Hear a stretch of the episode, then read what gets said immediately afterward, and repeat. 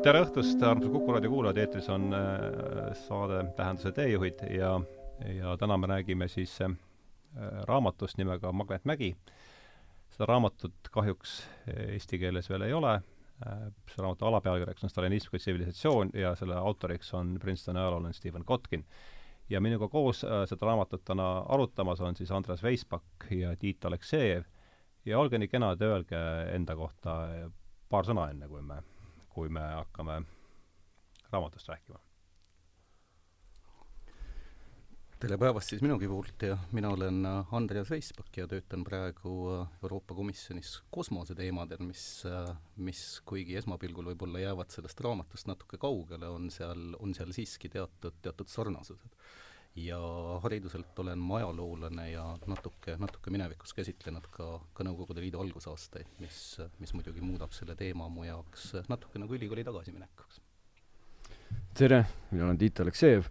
töötan Kirjanike Liidus, olen kirjanik ja ka hariduselt äh, ajaloolane. Ja ma kirjutasin hiljuti filmi stsenaariumi, mis räägib kolmekümne üheksandast aastast Eestis ja, ja selle töö käigus uurisin ma seda, mis toimus lisaks Eestile ka suures naaberriigis, Nõukogude Liidus ja, ja see tõi kolmekümnendat äh, lähedale. aga muidu on minu erialaks ja, ja huvialaks keskaeg. aitüma, et see asi nüüd kuidagi käima lükata, tavaliselt olen ma ette lugenud lõigu käsitletavast raamatust, seega sedapuhku, nagu ma ütlesin, seda eestikeelset tõlget ei ole ja ja ma võtsin siit, mina sattusin Kotkini peale siis, kui ma kirjutasin oma majanduslikku inimest ja poliitilist looma ja, ja mind ta väga paelus, kogu see, kogu see äh, teema seal. ja, ja siin ma siis viitan sellele raamatule ja ma loen selle lõigu ette, et anda sellele jutuajamisele mingi algus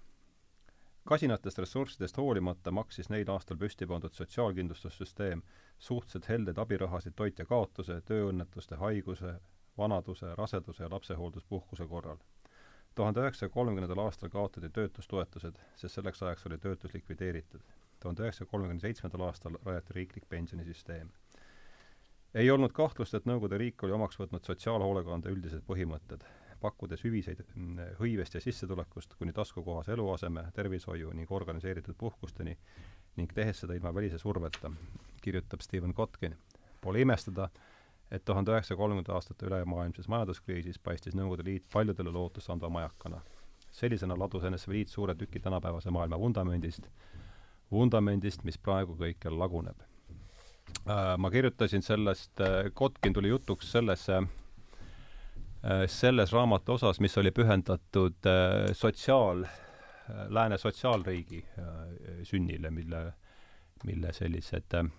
juured viivad sinna Elizabethi va-, vaeste seadusteni välja. ja, ja ma pakuks teile sellise suure, väga laia pintsliga pak-, maalitud pildi, millest või siis saaks hakata seda jutuajamist kuidagi alustama, et et tööstusliku pöörde käigus tekib niisugune asi nagu töölisklass ja pro-, või siis proletariaat ja selle selle asja sobitamisega keskaegsest, keskaegsest Euro Euroopast päritud sotsiaalset struktuuri saab olema terve terve rida probleeme ja neid probleeme lahendatakse mitme sajandi vältel. Ja üks võimalus asja tõlgendada on see, et see kõik päädib Esimese maailmasõjaga, mille käigus tekib siis Nõukogude Liit ja pärast teist suurt perevalamist äh, Lääne sotsiaalriik selle praegusel kujul,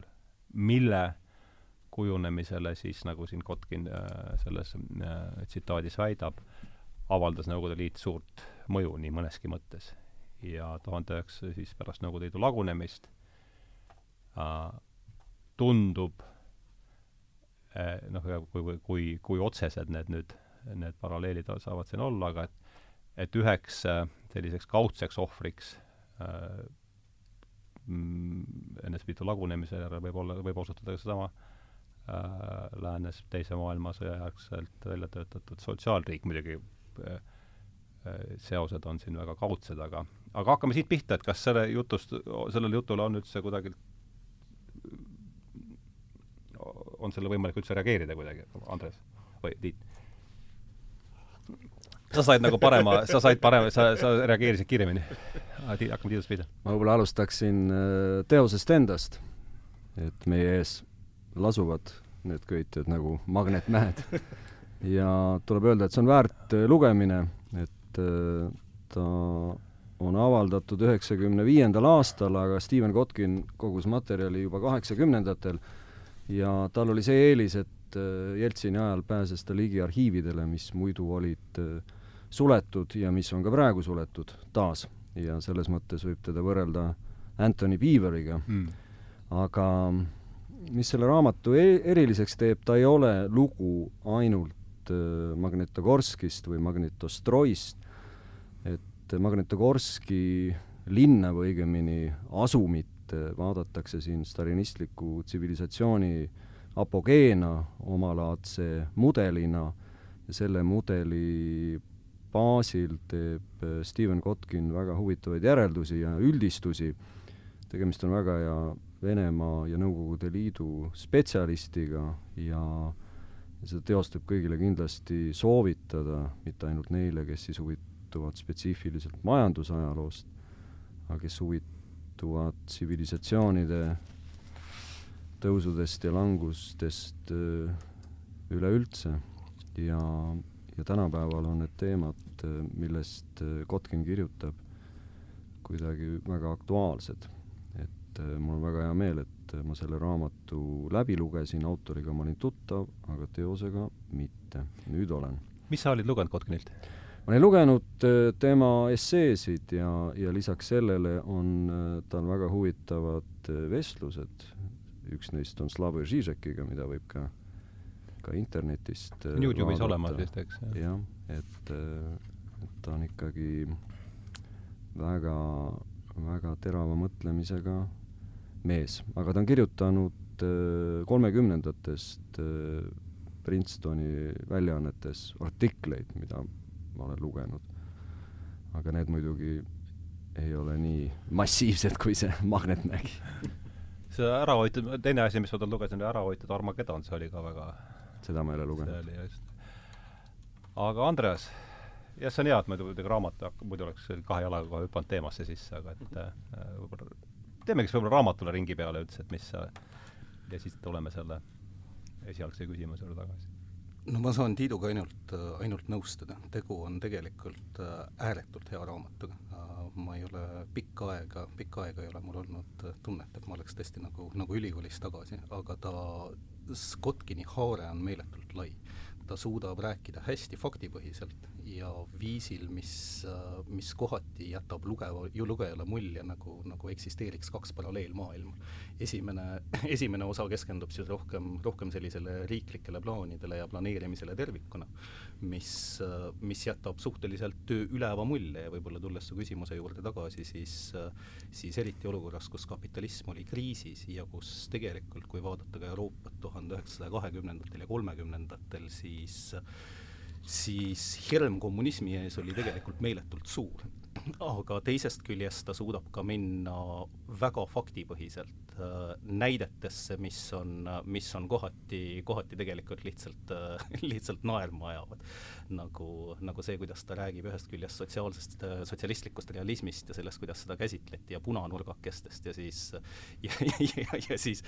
omakorda sellest, kuidas, kui inspektorid barokki saabusid, siis, siis avastati, et punanurgakeses tegelikult hoopis elas keegi. ja siis mul kohe tekkis mõte, et võib-olla see, see ongi kõige parem väljendus sellest samast sotsialistlikust realismist. aga see mulje, mis sellest raamatust näeb, nagu, nagu Tiit ütleb, on,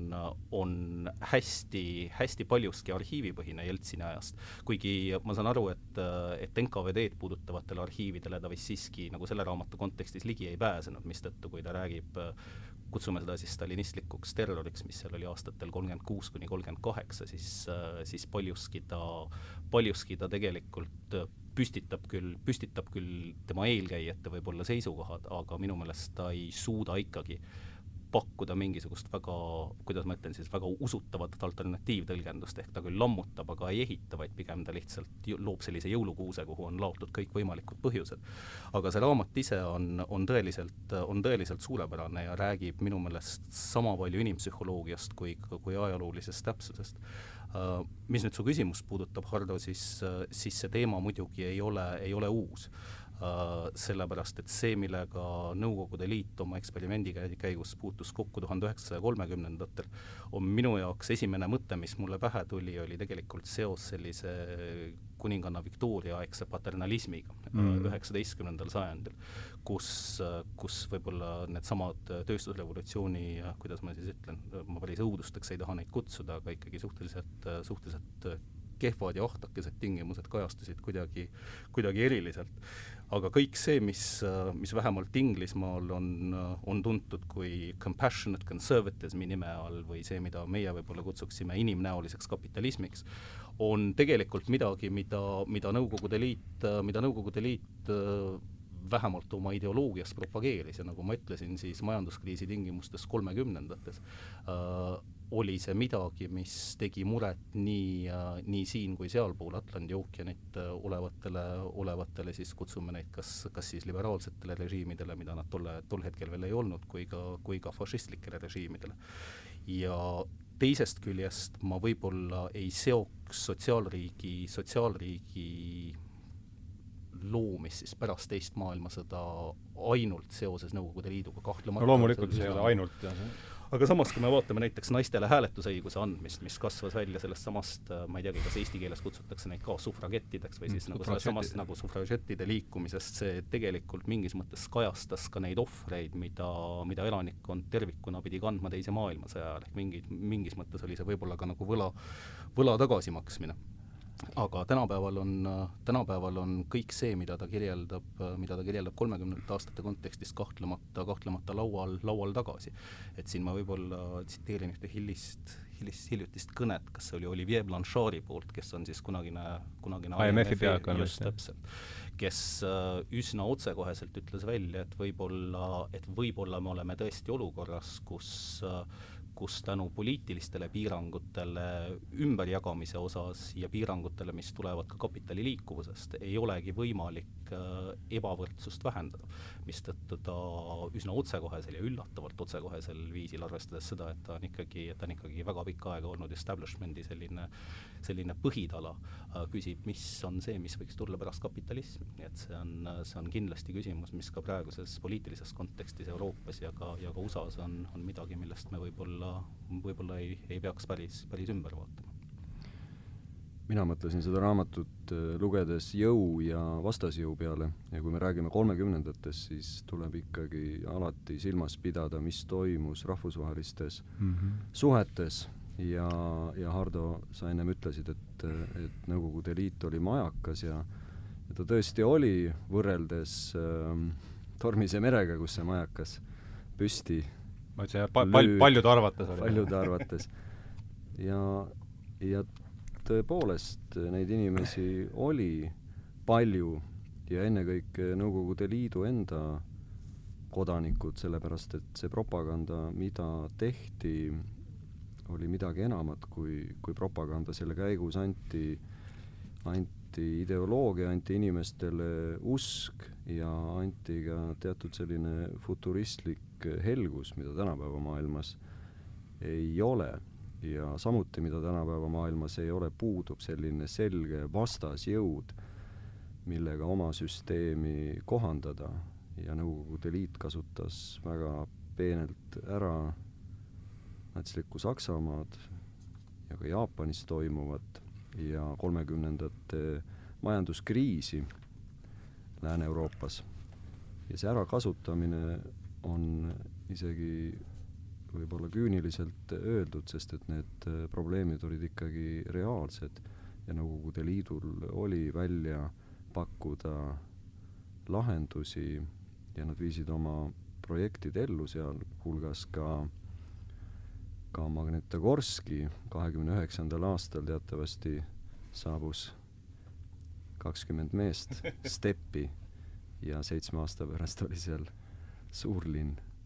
et et, et see on ikkagi muljetavaldav, mis seal tehti, kuid seda tehti Nõukogude Liidule omasel äh, moel, et kõrgusid äh, tööliste uhked magalad, aga neljakümnekraadises külmas tuli välikäimlat kasutada, mis asus hoovis. Ja, ja see üks, et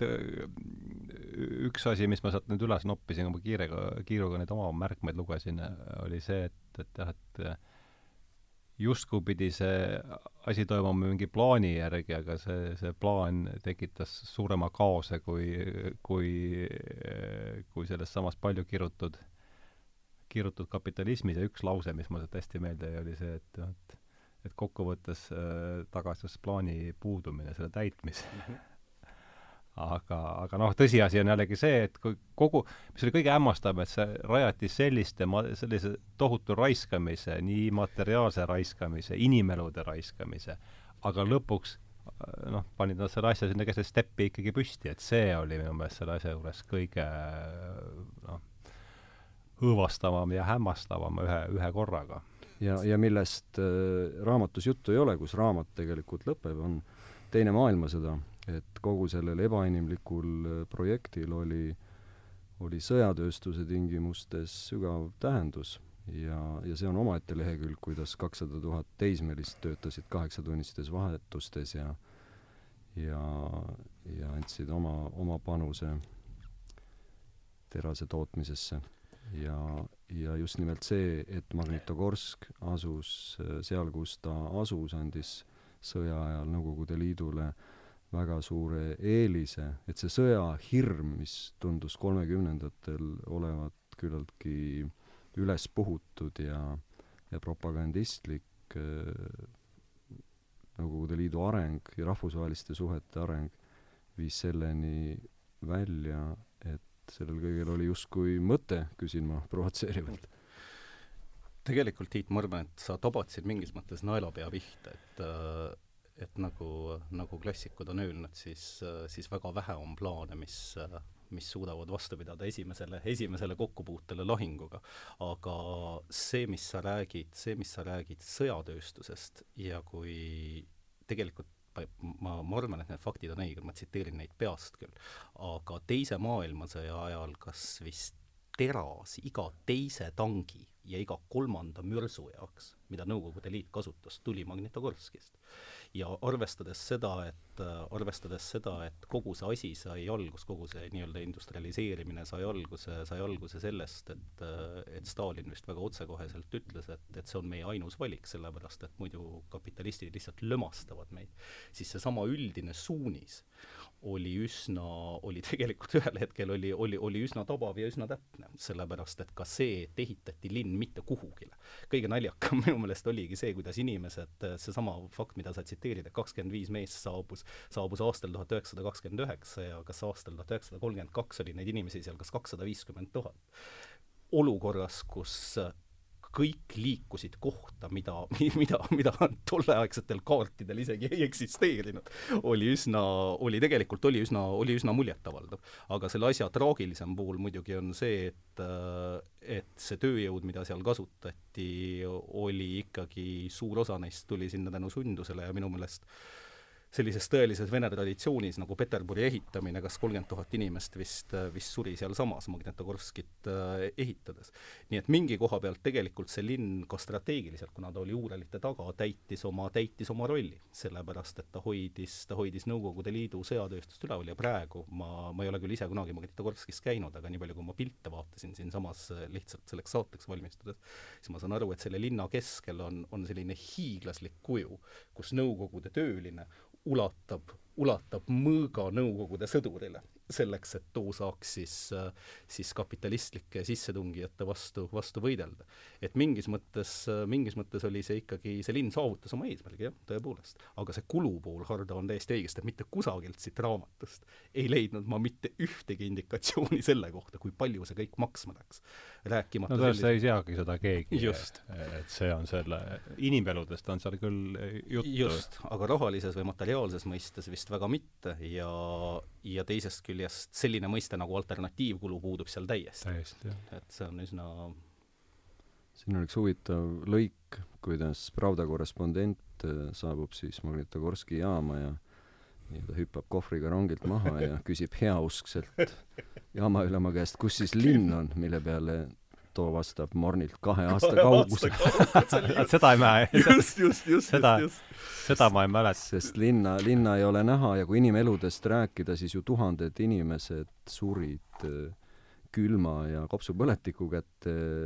esimesel talvel ja ka teisel talvel, kui nad elasid telkidest, mida siis arktilised tuuled aeg-ajalt minema Viisid, kandsid. et, äh, et see algus ja lõpp et see on tõepoolest midagi, midagi kolossaalselt ja, ja jällegi sellist saavutust äh, on võimalik näha ainult äh,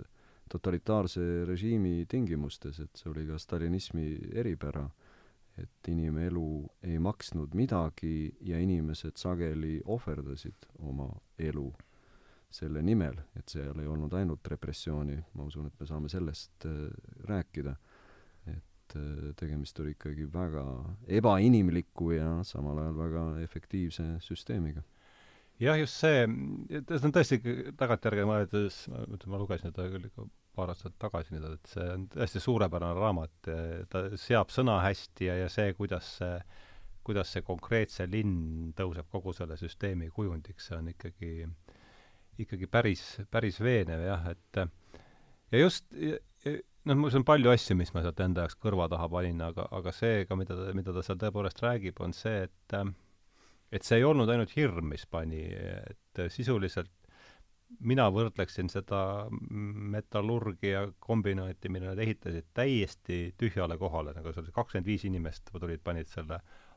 harutee, ladu, raudtee harutee ladusid maha kõigepealt, et see on ikkagi võrreldav selliste Egiptuse püramiidide püstitamise, kus noh, ega me ju ei tea ka, mis seal Egiptuses täpselt juhtus, aga aga võrdleme siin mõjukas teooria ütleb, et see ei olnud ikkagi sugugi ainult, ainult hirm, mis pani inimese tegema, vaid mingi niisugune religioosne vaimustus ja bolševike puhul oli see, oli see kahtlemata olemas, et võib, võtamegi selle teema järsku ette, et see äh, hakkame Andres pihta. ja kahtlemata sa Kotkin ise vist kirjeldab, kirjeldab äh, seda nii-öelda nagu repressiivset poolt rohkem, rohkem kindlustuspoliisi kui, kui millegi muuna. ehk et pigem äh, pigem, äh, pigem ta nagu vaatab seda, millest sa räägid, Hardo, lihtsalt identiteedi kujunemise seisukohast, et muidugi kui me vaatame stalinismi kui tsivilisatsiooni, mis on ka, mis on ka selle raamatu alapealkiri, on kahtlemata oluline. Aga see on natuke see, millest võib-olla Tiit rääkis umbes kümme minutit tagasi, mis on see, et ta tegelikult andis inimeste elule mõtte mm. -hmm. Ja ta andis, ja ta andis edasipürgiva mõtte, millele ka võib-olla tänapäeval on inimestel üsna, üsna raske, raske ära öelda, jah, oli halb olla, aga kui me vaatame kas või kaasaegseid poliitilisi protsesse, siis, siis siinsamas Euroopas vaadates ükskõik kui palju ei räägitaks inimestele seda, et, et te langetate otsuseid, mis on, mis on teile endale võib-olla halvad. majanduslikult te jääte vaesemaks ja nii edasi, see ometi ei takista inimesi ühel hetkel langetama, langetamast väga-väga emotsionaalseid otsuseid. ja teisest küljest, teisest küljest teine asi, mis ta andis, oli lootus. ja lootus, noh, lootus on ajalooliselt olnud üsna, olnud ikkagi üsna, üsna oluline see on seesama, see on seesama, millest me rääkisime enne saate algust, mis oli see, et, et lõppkokkuvõttes seal on isegi teatud paralleelid võib-olla Eesti iseseisvumisega, mis on see, et keegi me ju mm. ei teadnud täpselt, kuhu minnakse, aga oli meeletu lootus, et lõpuks me saame teha asju nii, nagu Lõpu, me tahame. lõpuks kuhugi minnakse ikkagi. lõpuks kuhugi minnakse ja lõpuks on ka lootus, et kõik läheb paremaks. ja seal sellesama nagu ajadimensiooniga mängimine oli see, oli see, mis, mis mind ka rabas natuke selle põhjal, oli see, et see, mis ju kirjeldas kogu seda industrialiseerimisprotsessi, oli tempo, tempo ja veel rohkem tempot. Mis on ka põhjus, miks, miks siin on üsna palju tragikoomilisi näiteid selle kohta, kuhu see tempo lõpuks viis. aga ühest küljest väga konkreetsetes ja praktilistes asjades oli tempo väga kiire teisest küljest sellise nirvana saavutamise või nii-öelda nagu sotsialistliku ühiskonna lõppjaama jõudmisel sai aja, aega painutada ja temaga mängida nii palju, kui, kui vähegi vaja, sellepärast et kiiret lõpuks äh, ei olnud ju tegelikult, ei olnud ju tegelikult kuhugile, sellepärast et et, et inimestele sai alati öelda, et meie lõppjaam on kas aastal nelikümmend või viiskümmend või kaks tuhat või ükskõik millal. ja see, ja see kontrast minu meelest oli üsna, üsna tugev. ja teisest küljest, kui me vaatame ka konteksti, siis kui me vaatame neid inimesi ja, ja siin me tuleme tagasi, teine asi, mille peale see raamat mu kohe mõtlema pani, oli, oli tegelikult Turgenevi isad ja pojad ja seesama käsitlus mm -hmm. seal mhm. Vene maamõisas äh, nii-öelda selle vene, vene mužiki kohta.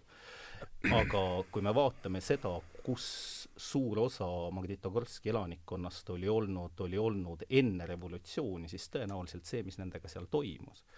ei olnud, ütleme niimoodi, et see võrdluspunkt ei olnudki võib-olla niivõrd palju traagilisem kui see, millega nad seisid silmitsi, silmitsi seal välja arvatud, välja arvatud ehk see, et neil oli nüüd seesama lootus ja lisada sinna veel lõputu propaganda, millest ei olnud sellesama suletud riigi kontekstis mitte kuhugile pääsu.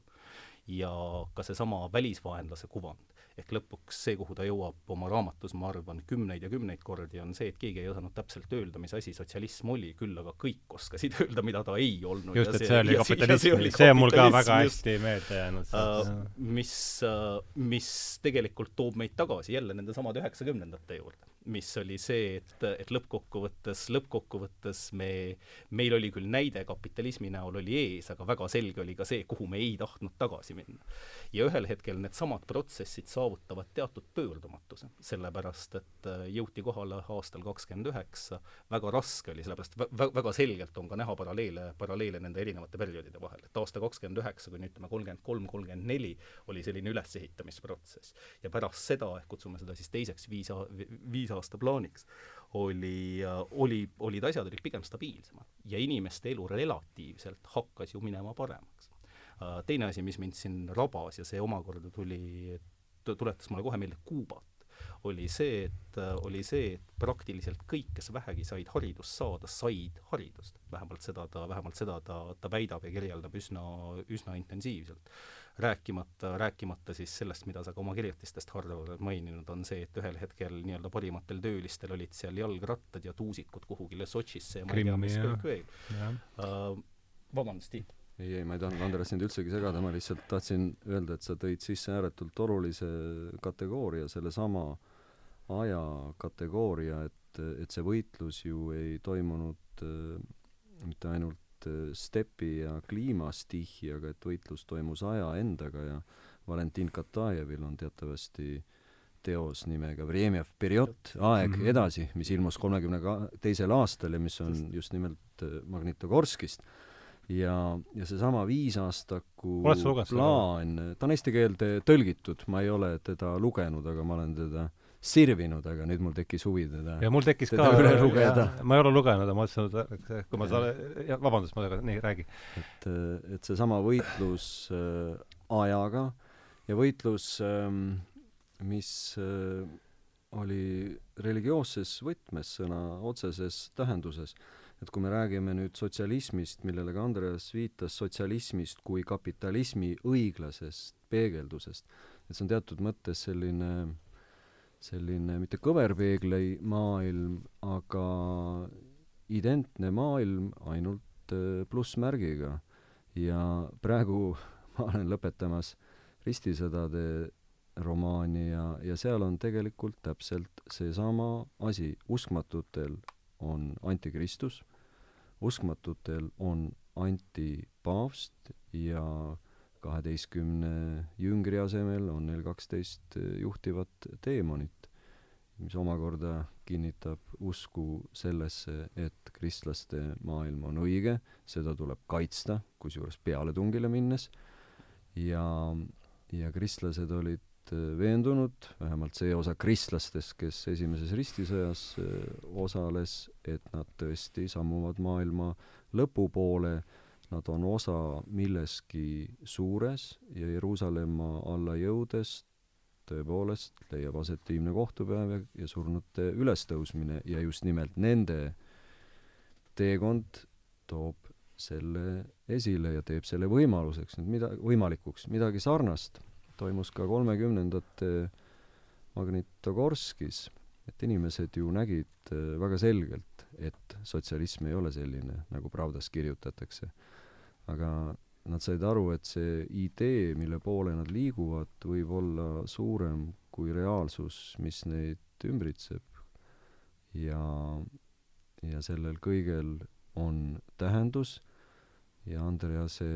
sõnavõtule, sõnavõtu juurde tagasi tulles, nad teadsid, mida nad ei tahtnud.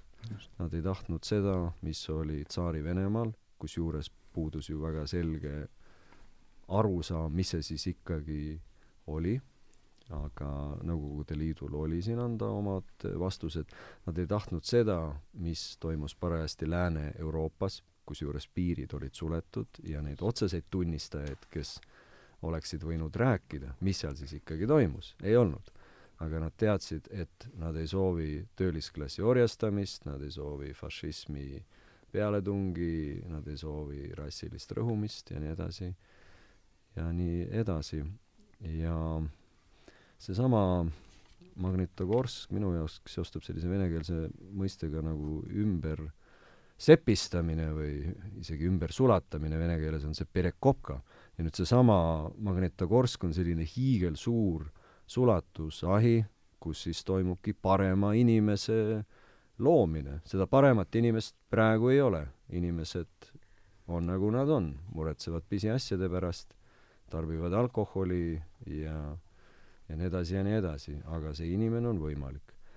ja, ja nagu siin Steven Kotkin ka väga peenelt ütleb, et Magnitogorsk võttis üle kunagise Trotski-aegse Punaarmee rolli, mhm. kus mm -hmm. siis erinevad rahvad, erinevad äh, elualad, talupojad ja töölised, neist tehti punaarmeelased, kellel kõik see oli oma selge eesmärk. vormiti identiteet ja, sellest massist, jah. et see Magnitogorsk,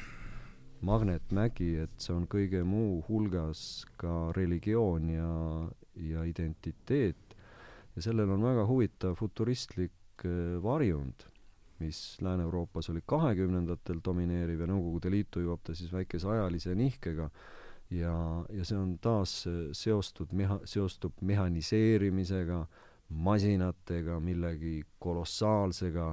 võimsaga, Eesti kirjanduses võib lugeda Vares Barbaruse luulet, tema oli futuristlik poeet ja futurismi laulik ja sealt tuleb see maailm esile. Need on võimsad linnad, efektiivsed masinad inimehed, inimesed, kes seda kõike enda kasuks ära kasutavad, see ei ole masinate mäss, nagu me praegu kardame, et see on selline väga eriline, eriline ühiskond. ja kas või seda teost vaadates siin kaane pilti kaamera poole kergitades, et see sama hiigelratas siin on päris, päris kõnekas, et see on, selle võiks panna mõne futuristliku luulekogu kaanepildiks ja rabaks tal oli, ma arvan, et see religioosne paralleel, noh see, see käib siit raamatust ka üsna palju läbi, eriti seal, kus Kotkin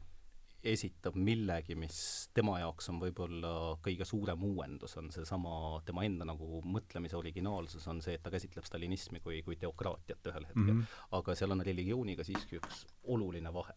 ja see vahe on see, et äh, religioon klassikaliselt, keskajal eriti, oli ikkagi midagi, mis lubas ebavõrdses keskkonnas õigluse loomist järgmises maailmas. ehk tegelikult suuresti oli see see, et sul olid rõhutud massid,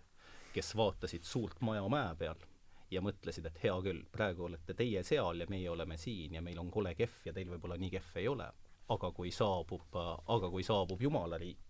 siis küll me teile näitame, sellepärast et meie oleme õiglased ja mingis mõttes on ta ikkagi, on ta ikkagi sellele nii-öelda teistpoolsusele või teisele maailmale rõhu. see, mida seesama identiteedikujundus ja see võib-olla religioosne dimensioon siin lubas või Nõukogude Liidus siis, siis lubas, oli, oli see, et oli see, et seesama nii-öelda tulevikuriik saabub selles maailmas, kus me elame nüüd ja praegu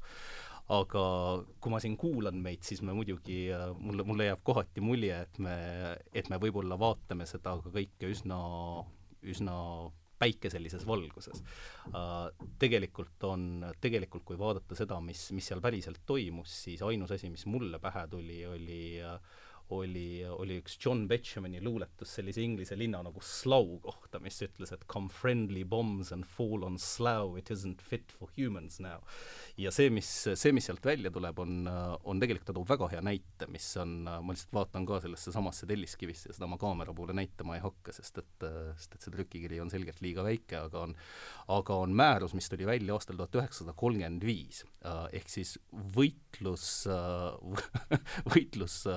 huligaanidega või huliganismiga, nagu teda siin kutsutakse, mis, mis annab väga-väga hea ülevaate sellest, mille vastu või millega, mis seal tegelikult toimus. regulaarne tihke joomine, kogu see kära, kaklus ja ropendamine, mis sellega kaasas käis äh,, pidev peksmine, eriti naiste ja laste oma, solvamised, kättemaksu, kättemaksu lubamine, partei positsiooni ärakasutamine, perversne käitumine, rahvuspõhine narrimine ja alandamine, karakteri õõnestamine ja nii edasi ja nii edasi, see kõik kõlab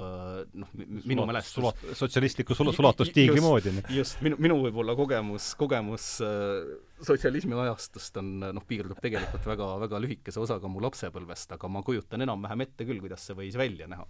ja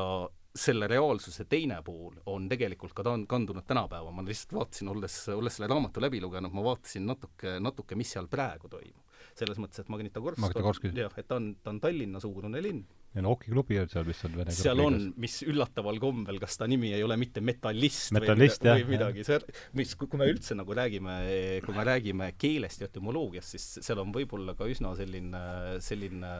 jällegi religioosne paralleel, on see, et keskenduti terasele ja kui me vaatame nime Stalin, siis tegelikult mm. Stalin ju tuleb otseselt sellest samast, sellest samast terasest. aga see, mis seal tänapäeval, tänapäeval toimub, on tegelikult ka ikkagi üsna õudne uh,. ma saan aru, et, ma saan aru, et uh, kas üks protsent lastest, kes Magnitogorskis elab, on ilma terviseprobleemideta ja üks kahekümnest lapsest, kes sünnib, on uh, sündimise ajal täiesti terve see kõlab äh, noh, jällegi, eks ma muidugi rajanen lihtsalt, lihtsalt internetiallikatele siin, aga, aga lugedes seda, see kõlab nagu Mendelejevi tabel, sellepärast et seal on äh,, räägitakse bensopüreeni mürgitustest ja ma ei tea, millest kõigest veel. et see on see, see on natuke seesama kulupool, et kõik see, mida, mida kutsutakse, kutsutakse nagu majanduses negative externality'ks, eks, et see kõik on seal ikkagi üsna, üsna laialt levinud ja lõppkokkuvõttes, lõppkokkuvõttes äh, see, et kõik oli alguselt plaanitud kommunaalsena, tähendas seda, nagu sa kirjuta-, nagu sa vist kirjutasid enda, enda kirjutistest ka, sellesama õnnetu May kohta, kes oli see saksa yeah, arhitekt, kes sinna ehitama tuli, avastas, et tegelikult nendes majades, mida ta ehitama pidi, ei olnud mitte midagi, sellepärast et kõik alates pesemisest kuni toiduni pidi olema kommunaalne. Aga loomulikult, loomulikult kuna, kuna rõhk oli, oli tööstusel ja rõhk oli tehasel endal, siis kõik see, mis puudutas inimeste igapäevaolmet, oli, oli täiesti teisejärguline. Ja, ja tulemus oli see, et, et ühel hetkel, ühel hetkel neljakümnekraadises külmas ei olnud sul suuremat alternatiivi, kus pesta ja suvel, kui sa said pesta selles samas tööstusjärjes, järves seal kõrval, ma isegi ei taha mõelda, mis, milline pidi olema selle järve sisaldus, mul tuleb kohe meelde seesama Sillamäe jäätmehoidla omast ajast, kus aga see küütles seal jah õige mitmevärvilisena parimal päevil. Aga see ongi võib-olla see, mis on, mis minu jaoks oli selles raamatus kõige rabavam, on seesama kontrast. on seesama kontrast selle usu, selle visiooni, selle uue maailma ja selle mingis mõttes religioosse kiindumuse vahel. Ja tegelikult, ja tegelikult ikkagi õudu tekitava igapäeva vahel, mis hea küll, võib-olla, võib-olla siin soojast stuudiost rääkides kahekümne esimesel sajandil on natuke ebaõiglane, sest et ajad olid teised ka igal pool mujal. aga, aga see, see mentaalne üleminek, mille inimesed pidid sisemas tegema, selleks, et vaadata seda, mis oli nüüd ja praegu ja mida nad ette kujutasid oma ideaalmaailmas, pidi ikkagi olema üsna, üsna suur. tõsi, tõsi, ja, ja, ja see jumalariigi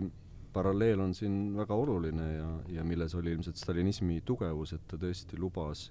jumalariiki rõhututele nüüd ja kohe. mitte praegu, võib-olla viie aasta pärast, kümne aasta pärast äh, kindlasti ja selle nimel äh, võis äh, mustust välja kannatada, siin on üks huvitav lõik, kuidas kohalik arst räägib, et kultuurne inimene, see on siis kultuurne tšelavek, mis ilmtingimata ei tähenda inimest, kes käib klassikalist muusikat kuulamas ja balletti vaatamas, aga see on inimene, kes toitub nii, nagu oleks kohane ja peseb ennast, et see arst ütleb, et kultuurne inimene peseb end üle keha vähemalt nelja päeva tagant, et see on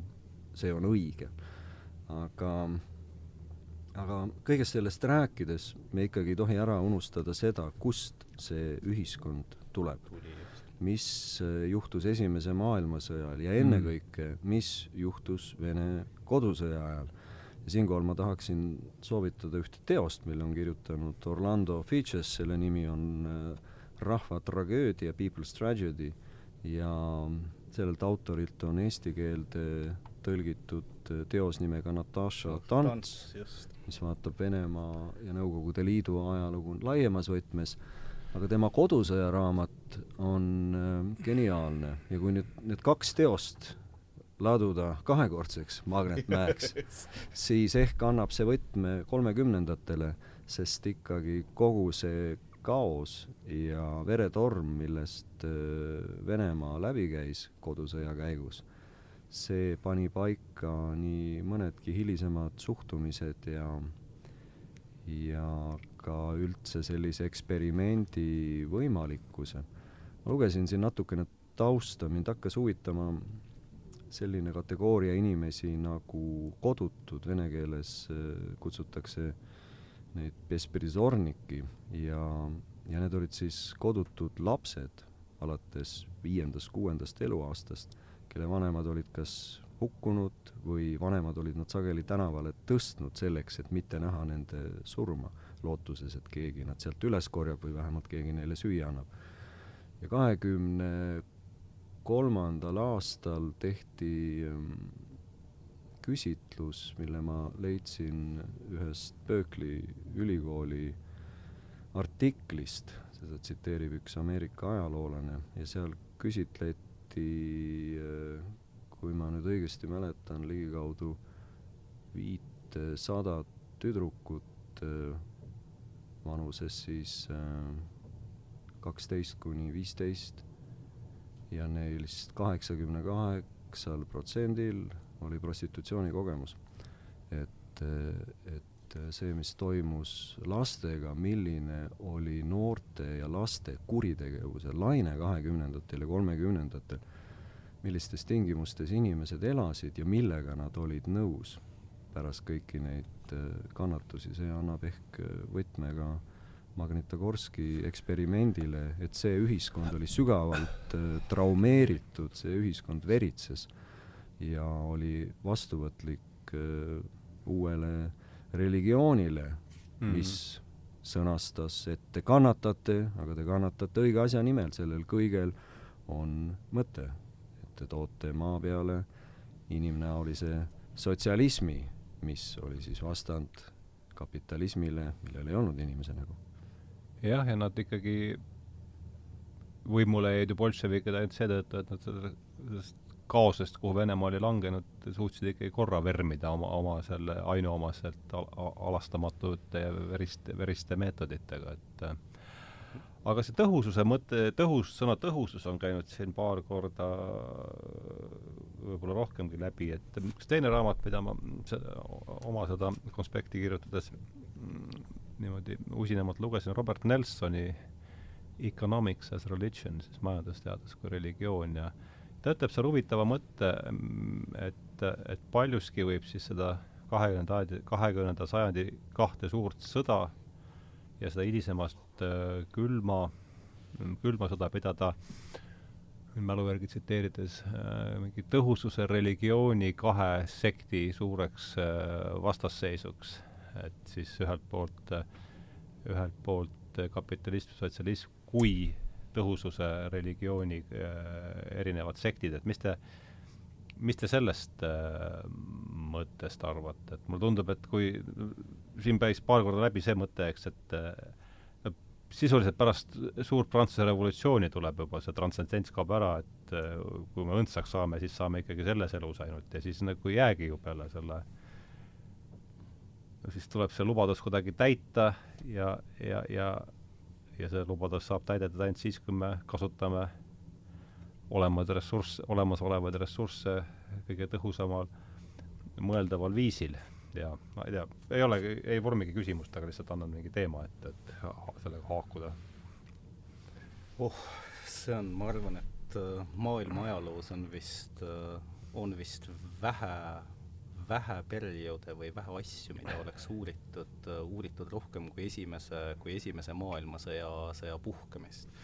ja seal muidugi, selleks, et see haakuks, seal on te teooriaid tegelikult on kümneid, aga on, aga on kaks teooriat, mis võib-olla puudutavad ka seda, on see, et kuna seesama industrialiseerimine ja seesama nii-öelda proletariaadi või töölisklassi kuidagi siis esiletõus äh, Lääne-Euroopa majandustes ühel hetkel äh, hakkas ähvardama, hakkas ähvardama seda kandvat korda, siis tegelikult on osa ja need on üllataval kombel, on, on suuresti marksist-sotsialistlikud ajaloolased, kes väidavad, et suur, suur põhjus sellel sõjal oli, oli tegelikult, oli tegelikult lihtsalt see, et äh, oli lihtsalt see, et hallata ja saata rindele kogu seesama õnnetu töölisklass mm. -hmm. teisest küljest teisest küljest, kui me vaatame, kui me vaatame Saksamaa sisemist korrespondentsi, siis äh, Saksa, Saksa erinevate ministrite ja valitsusasutuste vahel. Äh, enne esimest maailmasõda, siis see, mis sealt läbi käis, oli tegelikult midagi, mis oli väga sarnane sellele, mida, sellele, mida, mida see nii-öelda see sõjaline retoorika kolmekümnendatel äh, Nõukogude Liitu puudutas, oli, oli tegelikult see, et oli vaja sõda Venemaa vastu, sellepärast et kuna Venemaa oli nii suur, nii ressursirikas ja nii potentsiaalikas, siis Venemaaga tuli alustada sõda enne seda, kui nad oma potentsiaali kuidagi täitsid. Uh, mis puudutab uh,, mis puudutab teist maailmasõda, siis noh, seal, seal on jällegi, on täpselt sama lugu, et seda tavaliselt nähakse, nähakse kui, kui otsest siis nagu väljakasvu esimesest maailmasõjast ja eriti, eriti Versailles, ja eriti Versailles uh, rahulepingust. ma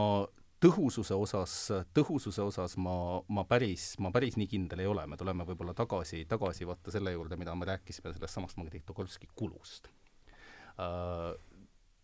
tõhusus ja Magnitogorsk ei mahu, ei mahu kuidagi väga, väga, väga ühte, väga ühte lausesse uh,. pigem, pigem see, mida, see, mida ma siin näen, on see, et, et võitlus parem- ja vasakäärmuse vahel, mis toimus kahekümnendatel, noh, Saksamaa on kõige parem näide sellest tegelikult, kui me vaatame, kui me vaatame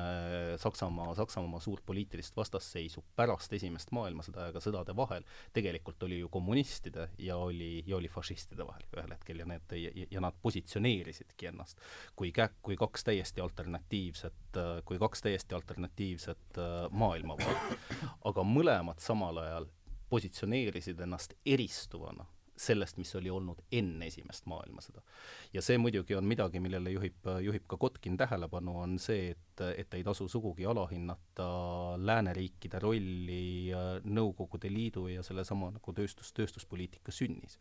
sellepärast, et seesama esimene maailmasõda, Tiit juba vihjas sellele, et see, kust see ühiskond tuli, oli ikkagi üsna, oli ikkagi üsna, oli ikkagi üsna kole ja lõpuks, lõpuks ma ei, alati on, meil on alati kalduvus seletada, seletada asju lähtuvalt mingisugustest väga ratsionaalsetest skeemidest. samas äh, kui ma ise nüüd, jättes need teooriad kõrvale, vaatan esimest maailmasõda, seal on äh, üks hiljutine, hiljutine raamat, mis on kirjutatud sellel samal teemal, mille nimi on vist Sleepwalkers mm, -hmm. kirjeldab seda täielikku kaost, kus, kus sisuliselt äh, lihtsalt olemasolevad süsteemid olid sellised, et nad lükkasid läbi, läbi oma paindumatuse sisuliselt kõik osapooled, kõik osapooled sõtta. Ja see on midagi, mida ma natuke näen, näen võib-olla ka praeguses maailmas, on see, et ma mäletan, kui ma, kui ma väga noorena ajalugu tudeerisin, siis mingil hetkel sa lihtsalt mõtlesid nende otsuste peale, mis langetati aastasadu tagasi ja mõtlesid, kuidas võisid need inimesed nii rumalad olla. et nad langetasid otsuseid, mis selgelt viisid ühel hetkel nende enda hävinguni aga nüüd nagu rohkem, olles rohkem elanud, sa ühel hetkel saad aru, et see raamistik ja need süsteemid, milles need inimesed eksisteerisid, olid ühel hetkel niivõrd paindumatud, et, et tegelikult muid valikuid suuresti ei olnudki kui need, mida nad langetasid ja seda ma näen natuke ka praeguses maailmas paratamatult. kas see, kas see ei ole mitte niisugune Vana-Kreeka tragöödia, selline ju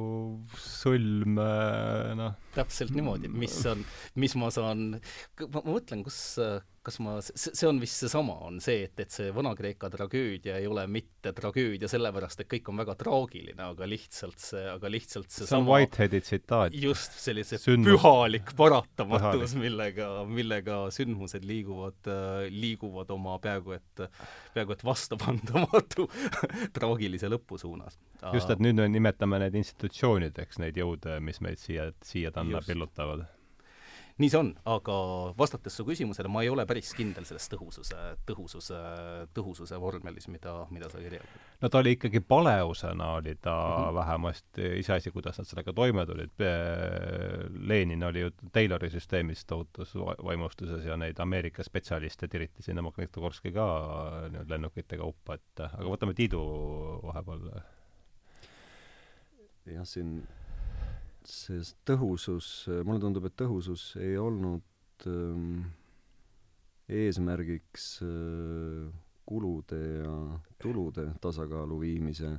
mõttes. tõhusus oli eesmärgi saavutamine, et kogu see koloss lõpuks tööle hakkas. ja siin ikkagi, sa, Hardo, mainisid Ühendriike väga õigel ajal, et, et mudeliks ikkagi oli see, mis toimus Chicago ümber Just. ja Gary mm -hmm. ja selles nähti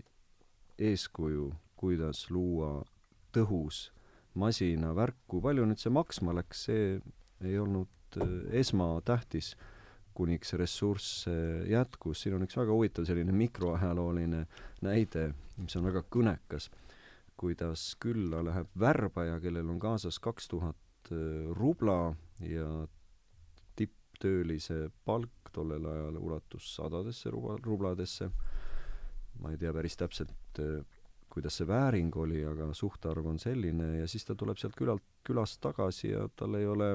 ühtegi hinge kaasas, tal ei ole isegi surnuid hingi kaasas. ta saab järgmised kaks tuhat rubla ja järgmises külas läheb tal paremini. ilmselt ta lõpetab kusagil GPU keldris, sest et need rublad võisid talle endale ka meeldima hakata. aga see näitab, kuidas süsteem asjasse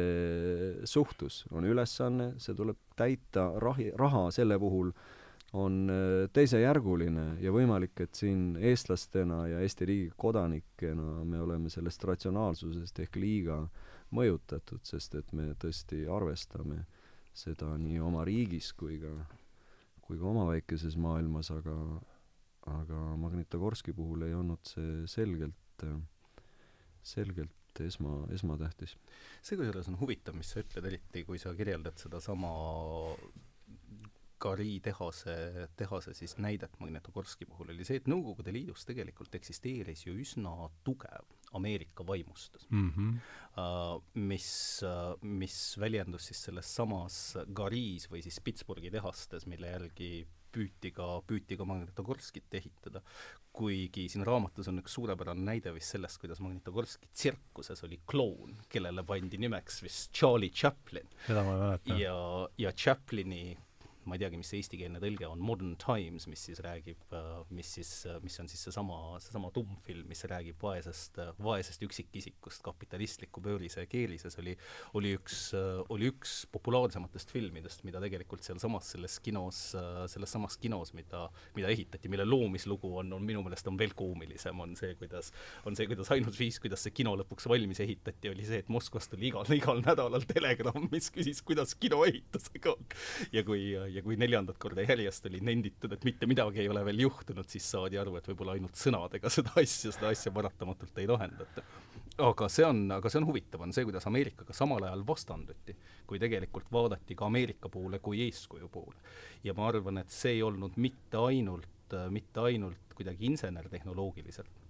aga mingis mõttes oli seal ka ju sarnasus sellele, et tegu, tegemist oli riigiga, mis oli ehitatud nullist sisuliselt üles ja see on midagi, mis, mis oli Ameerika Ühendriikidel ja Nõukogude Liidul sarnane. ja noh, see viib meid muidugi tagasi juba, juba kaheksateistkümnenda sajandi juurde, kus, kus, kus käis selline kutsume siis konservatiivide ja võib-olla rohkem nagu, ma ei taha neid päris liberaalideks kutsuda, nagu vaheline punkti lugemine, et et Prantsuse revolutsioon oli pluss üks ühele poole, Ameerika revolutsioon oli, oli pluss üks samale poole, Inglismaal toimumata jäänud revolutsioon oli pluss üks siis teisele poole ja Nõukogude Liit mingis mõttes esindas selle sama traditsiooni lihtsalt, lihtsalt jätkuni, ma saan aru mm, -hmm. miks see võis neile süda, südamelähedane olla. tõsi, siin on see moment ka, et kui me nüüd vaatame Nõukogude Liidu ja, ja Ühendriikide suhteid, siis siin on ikkagi väga suur erinevus kahekümnendatel, kolmekümnendatel ja, ja neljakümnendatel ja viiekümnendatel, sest et, et esiteks Ühendriikide panus Vene kodusõtta oli minimaalne ja, ja ta oli ka geograafiliselt piisavalt kaugel ja, ja Ühendriik nähti ikkagi ka sellise suure proletaarse kogumina ja maailmarevolutsiooni idee oli küll kustunud, aga, aga Ühendriikide töölisklassil oli selgelt teistsugune roll kui, kui Lääne-Euroopa töölisklassil ja Nõukogude Liidu kaks sellist äh, surmavaenlast olid ikkagi natslik äh, Saksamaa ja nüüd see teise koha valik on veidikene kõikuv, et kas see oli siis imperialistlik äh, Inglismaa või, või, või Jaapan, et kuidas parajasti need jõujooned seal seal muutusid, aga aga Ühendriigid olid äh, samamoodi osa ju suurest futuristlikust projektist ja ja ma kujutan ette, et Nõukogude Liidu majanduslikult mõtlevale tippjuhtkonnale avaldas Ühendriikide tulemus ikkagi väga suurt muljet ja sisuliselt nad ju tegid kolmekümnendatel seda, mida tehti Ühendriikides üheksateistkümnenda sajandi lõpus. just ta oli lihtsalt sellise ajalise, ajalise nihkega. ja palju kontsentreeritud, palju kiiremini, eks. mis muidugi toob meid tagasi sellesama identiteedi ja üksikisiku ja, ja võib-olla, võib-olla siis korrasuhete juurde, mul on hästi raske ette kujutada, on siis selline duaalne mõtlemine, mis noh, tuleb, on, on kergelt see, mida, mida vist Orwell kirjut-, kirjeldab oma, oma tuhande üheksasaja kaheksakümne neljas, aga ma püüan, kui ma lugesin seda kirjeldust sellest, kuidas Magnitogorski ajalehtede esileheküljel kajastati Molotov-Ribbentrop paktile allakirjutamist, kus tegelikult, kus tegelikult siis seisab seesama, seesama Nõukogude eliit, kes on materdanud sedasama Natsi-Saksamaad kogu oma propagandas, noh sisuliselt ikkagi viimased, viimased pea, pea et kümme aastat, siis ühel hetkel, kui seal, kui seal on Hitleri kõned ja, ja intervjuu Ribbentropiga ja see, needsamad pildid, ma, ma ei kujuta ette, kuidas tegelikult seesama ku,, kuidas see omaks võeti sest et see on ikka, tähendab, sa võid oma double think'iga või siis nagu topeltmõtlemisega minna teatud distantsi, aga see seal oli ikkagi nii kontrastne. aga lõpuks ei juhtunud mitte midagi, kõik aktsepteerisid, et võib-olla see on lihtsalt, lihtsalt järjekordne malekäik laua peal. nojah, selleks ajaks oli kolmkümmend kuus, kolmkümmend seitse juba selja taga, eks see näitas ka kena, mis juhtuma hakkab, kui palju, palju küsida. et selles mõttes see Köstleri Keskpäeva pimedus, ma ei tea, te seda olete lugenud kindlasti, et see oli ju päris aga mm, üks lause, mis seal ja see haakub sellega, mida Tiit enne rääkis, et et mis Kotkin ütleb, et kui Gary oleks jäänud ehitamata ilma Lõuna-Euroopa immigrantideta, et siis noh, selgelt Magnitogorsk oleks jäänud ilma ehitamata, kui poleks läbi, samal ajal läbi viidud see kollektiviseerimist, mis lõi, lõi, lõi, lõi ja see tuli ka siin eelpool juttu, et see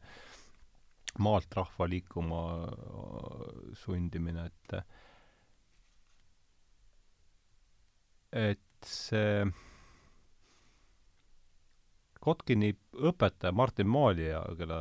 selle revolutsioonide ajalugu ma olen ka üsna põhjalikult läbi töötanud, tema ütlebki sisuliselt seda, et Vene revolutsioon oli lihtsalt üks äh, mahajäänud maa moderniseerimisprogramm. Ja ja kui see oli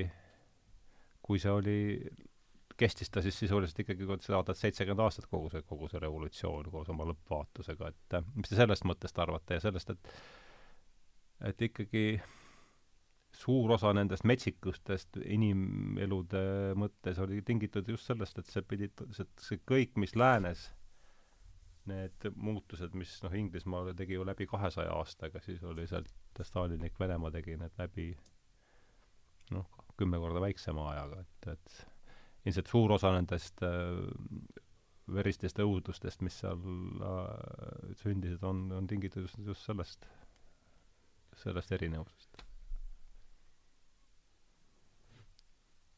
tempo jah, muidugi. Äh, see on, äh,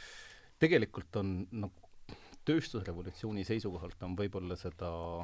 seda aegrida huvitav vaadata, nagu sa ütled, Inglismaal võttis see aega noh, mitte, mitte päris kakssada, aga ütleme no,, et sada aastat. aga samas, kui me näiteks võrdleme kui me võrdleme Saksamaa industrialiseerimist äh, sisuliselt siis pärast, pärast Preisi-Prantsuse sõda tuhande, tuhat kaheksasada seitsekümmend kahe, seitsekümmend üks kuni Esimese maailmasõjani, siis tegelikult sakslased saavutasid sama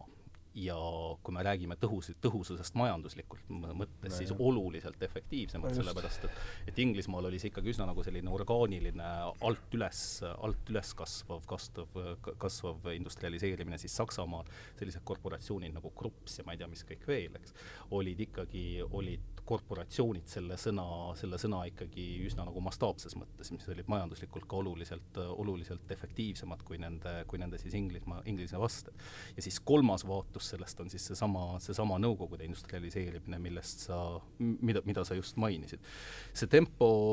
noh, tegelikult me tuleme tagasi selle juurde, et on asjad, mida totalitaristlikud režiimid saavad endale lubada mida teised ei saa, ma olen tihtipeale mõelnud sellele samale, sellele samale asjale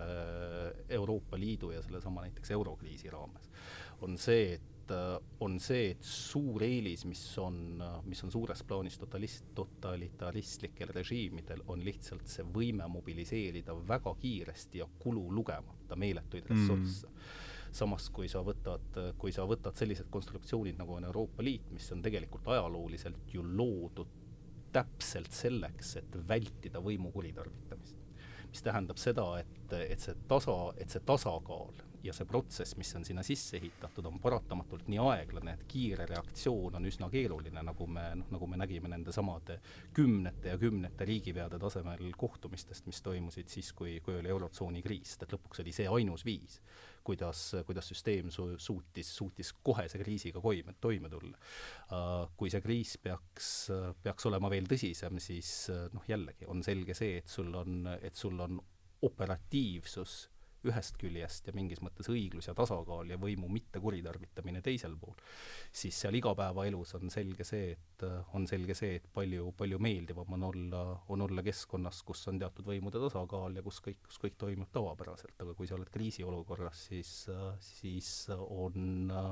siis on võib-olla lihtsam neid asju lahendada, kui sa saad neid lihtsalt teha väga diktaatorlikult äh, ülevalt alla aga omaette küsimus on see, kas keegi tahaks selles, kas keegi tahaks selles keskkonnas, keskkonnas elada. mis puudutab, mis puudutab talurahva muutmist proletariaadiks, siis, siis jällegi see, mis sealt raamatust välja tuli, oli see, et, et vähemalt algusaastatel oli Magnetogorsk oli nagu läbisõiduhoov et inimesed tulid, inimesed läksid ja saabujaid, saabujaid ja lahkujaid ühel hetkel olid, selles raamatus on terve tabel aastate kaupa, kui palju neid oli, aga põhimõtteliselt nad on enam-vähem samas kategoorias, on natuke plussi saabujate koha peal. aga tekkis täiesti omaette klass inimesi, kes sõitsidki ringi mööda riiki mm., kes teadsid täpselt, kui palju palka makstakse ühes tööstuskeskuses, kes tulid ja peatusid kolmeks kuuks või kuueks kuuks ja siis liikusid edasi ja nii edasi. Äh, ühel hetkel, äh, ühel hetkel me tuleme tagasi sellesama, sellesama üheksateistkümnenda sajandi mingis mõttes vene klassika juurde, kui me vaatame, kui me vaatame kas Vitet või Stolypinit, eks, kes tegelikult tulid ju ka oma reformiprogrammidega siis vastavalt sihtisid samale poole, jah? sihtisid täpselt samale poole, ehk kuidas sa muudad tagurliku talupoja millekski muuks, koos kõik, kogu oma suhtumise ja kõige muuga uh, aga lõppkokkuvõttes see, mis toimus Venemaal, oli ikkagi üks hiiglaslik eksperiment kolmekümnendatel, ma arvan, et see, et Stalin andis mingisuguse üldise suuna, nagu seda vist kutsutakse, on üks asi, aga see, kuidas see tegelikkuses välja mängis, see lõppes sellega, et tegelikult toodi ju tagasi tsaariaegne sisepasside süsteem, sellepärast et ühel hetkel ei olnud sellel samal hiiglaslikul administratsioonil mitte mingit kontrolli selle üle, kus keegi oli. mis paradoksaalsel moel omakorda andis, vähemalt Kotkini tõlgenduses andis, andis töölistele läbirääkimispositsiooni ja ruumi, mida neil muidu ei oleks olnud, sellepärast et kogu see industrialiseerimisprogramm tekitas meeletu tööjõupuuduse. mis tähendas seda, et sõltumata sellest, kas sa töötasid palju või vähe, sa said alati preemiat juurde ja võib-olla su puudujääkidest vaadati lihtsalt üle, sellepärast et tööde juhataja seisukohast oli lihtsalt oluline see, et sa jääksid sinna, kus sa oled, kuna töökäsi ei olnud mitte kusagilt võtta. siin jah, me taas tuleme tõhususe juurde ja, ja me võime rääkida totalitaarsetest režiimidest, aga Põhja-Koreas Magnitogorski ei esi, ei ehita. seal on võimalik küll ehitada mandritevaheline rakett, mis lendab kolmekümne kilomeetri kaugusele ja ta saavutab oma taktikalise eesmärgi. aga selge on see, et Nõukogude Liidul oli kõigele lisaks usule ja ideele ja, ja kannatustele, neil oli ka tohutud looduslikud ressursid, neil olid ka tohutud inimressursid, mis siiski jõudsid katkemispiirini. ja seesama passi režiimi taaskehtestamine, seesama passirežiim, mis teatavasti oli ju tsaari ajal, kolmekümne teisel aastal, see on päris kõnekas, ma just mõtlesin, et kas see oligi äkki Magnitogorskiga seotud, Kotkin vist küll seda otse siin ei, ei maini, aga, aga küll ta kirjeldab olukorda, kus äh, Magnitogorski rongijaama saabuvad töölised, hindavad olukorda ja sõidavad sealt lihtsalt minema. Ja selles on teatavad internetieelse ajastu eelised määrased, sellepärast et, et väga raske oli kontrollida, kes siis ikkagi selle ettemaksu vastu võttis ja tööle läks, kes selle lihtsalt tasku pani ja kuhugi naases. ja siin on ka väga huvitav selline taas mikroajalooline ekskurss ühest seltsimehest, kes hakkab siis äh, võltsima, ei olnud parteikaardid, aga ametiühingu kaardid või, või töökaardid ja ta saab aru, et see on väga tulutoov tegevus ja kuniks nii-öelda organid ta lõpuks paljastavad, siis selgub, et mees on sadu kaarte jõudnud ümber teha. ja lihtsalt väga raske oli esiteks kontrollida, inimesi sundida jääma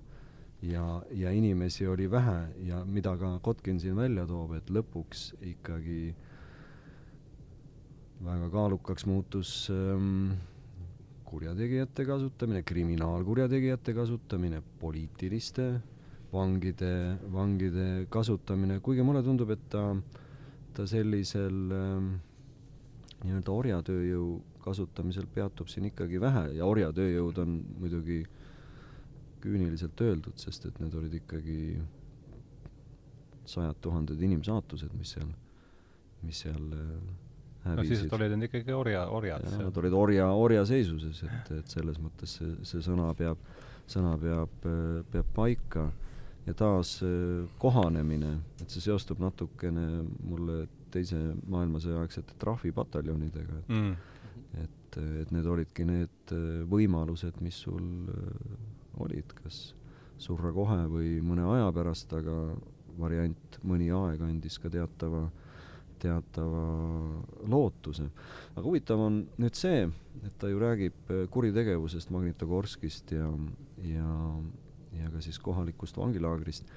et, et ka seal oli teatav selline ketserite ümberkasvatamise moment just nimelt kriminaalkurjategijate puhul, et neil justkui oli avatud tee tagasi ühiskonda, mida nüüd ei olnud äh, poliitilistel, poliitilistel. Et äh, ja, ja, ja mida ta siin ka ütleb, taas selline huvitav sotsiaalpsühholoogiline nüanss, ta ütleb, et võimalik, et needsamad äh, kriminaalkurjategijad lõppkokkuvõttes olid kõige vabamad inimesed seal, sest et neil ei olnud midagi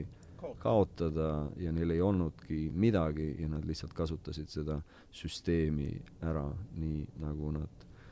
said. Ja ma ei taha nüüd äh, sugugi romantiseerida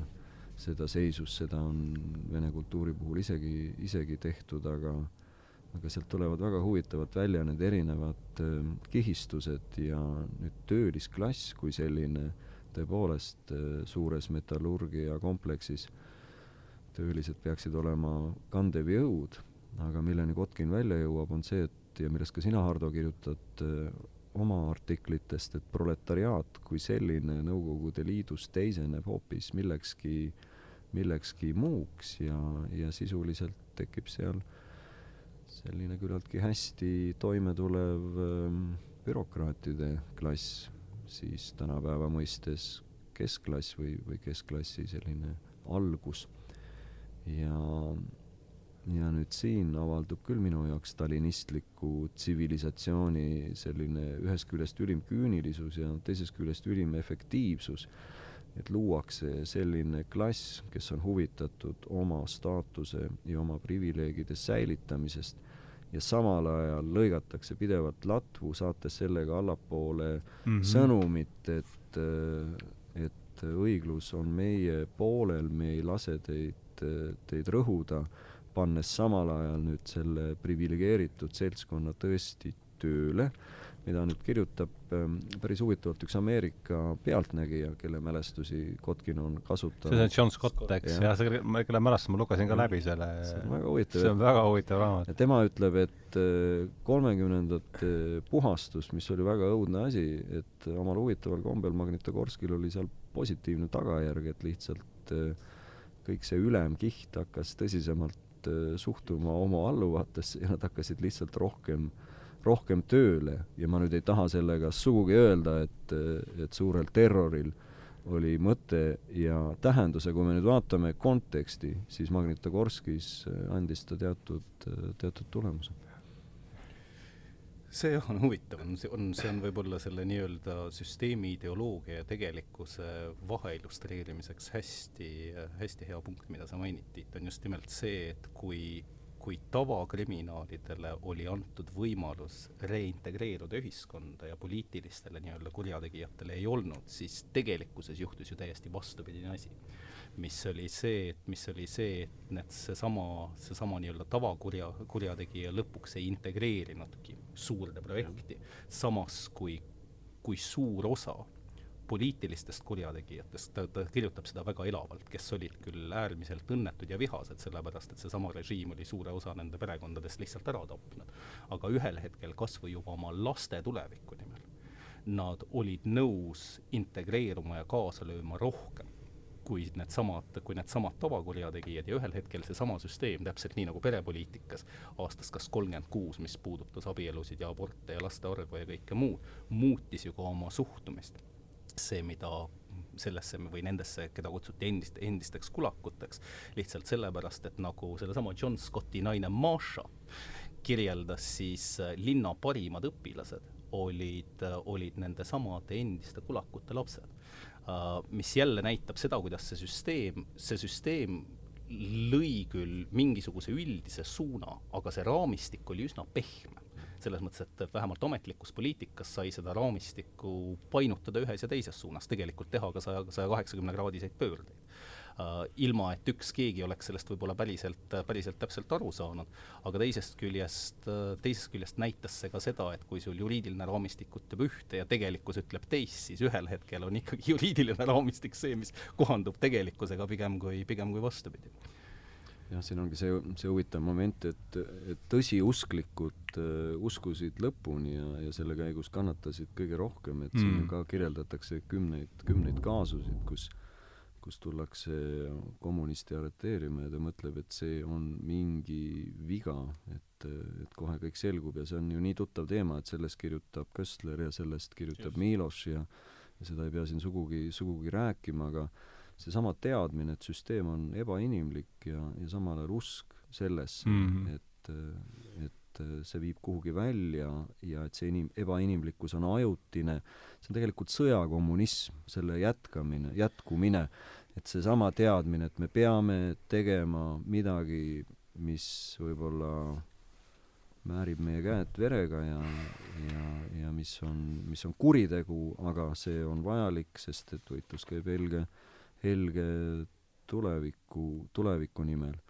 ja, ja seesama usus pettumine võis olla ikkagi väga, väga ränk, et siin kirjeldatakse Benjamin Kaverinit, kes käis samamoodi Magnitogorskis ja, ja ta hiljem oma mälestustes kirjutab, et see periood oli tema, Kaverin? See oli Katajev. aa, see oli Katajev, vabandust. aga Kaverin käis, käis ka seal ära ja ta kirjutab, et ta, ta nägi, et surnuaed äh, kasvab kiiremini kui linn. ja ta vaatas sellest mööda, sest et ta mõtles, et äh, nii on, et need on olud ja ja, ja meil on eesmärk ja hiljem äh, ta on, ta on väga hea kirjanik, eesti keeles on olemas tema Peegli ees ja, ja siis on äh, üks teos, mis räägib Põhjamere allveelaevnikest, mille pealkiri mul praegu meelde ei ka eesti keeles? ka eesti keeles, jah, et äh, mis see esimene oli? Peegli ees, see on seitsmekümne üheksandal aastal ilmunud romaan kirjades, et väga, väga peen kirjanik ja ja, ja ka väga aus kirjanik, sest et ta ikkagi räägib, mida ta, mida ta läbi elas ja ja mida see maailmapildi kokkukukkumine tema jaoks, tema jaoks tähendas või see usu, usu kadumine. ja võimalik, et see ongi, kui me nüüd räägime stalinismist kui tsivilisatsioonist, siis see usk püsis ju tegelikult kaheksakümnendateni sellesse, samal ajal kui me nüüd paneme kõrvut eriti äh, natsliku Saksamaa kui vastasjõu ja millele ka Kotkin viitab, et et, et usk Hitlerisse langes pärast Stalingradi, see ei langenud kunagi põhja, aga oli selge, et midagi on väga valesti, usk Stalinisse püsis kuni äh, sulani ja see püsis ka edasi. jah, ja see haakub selle Kotkini teise ra-, raamatuga, see Ära võetud Armageddon, kus ta küsib, et kuidas on võimalik see, et maailma suurim politseiriik lahkus sõna otseses mõttes niimoodi kikivarvukil äh, lavalt ja kustutas ise tule ka veel ära, aga et just see, et kui see valitsev eliit sai aru, et kui me nüüd ütleme lahti sellest usust,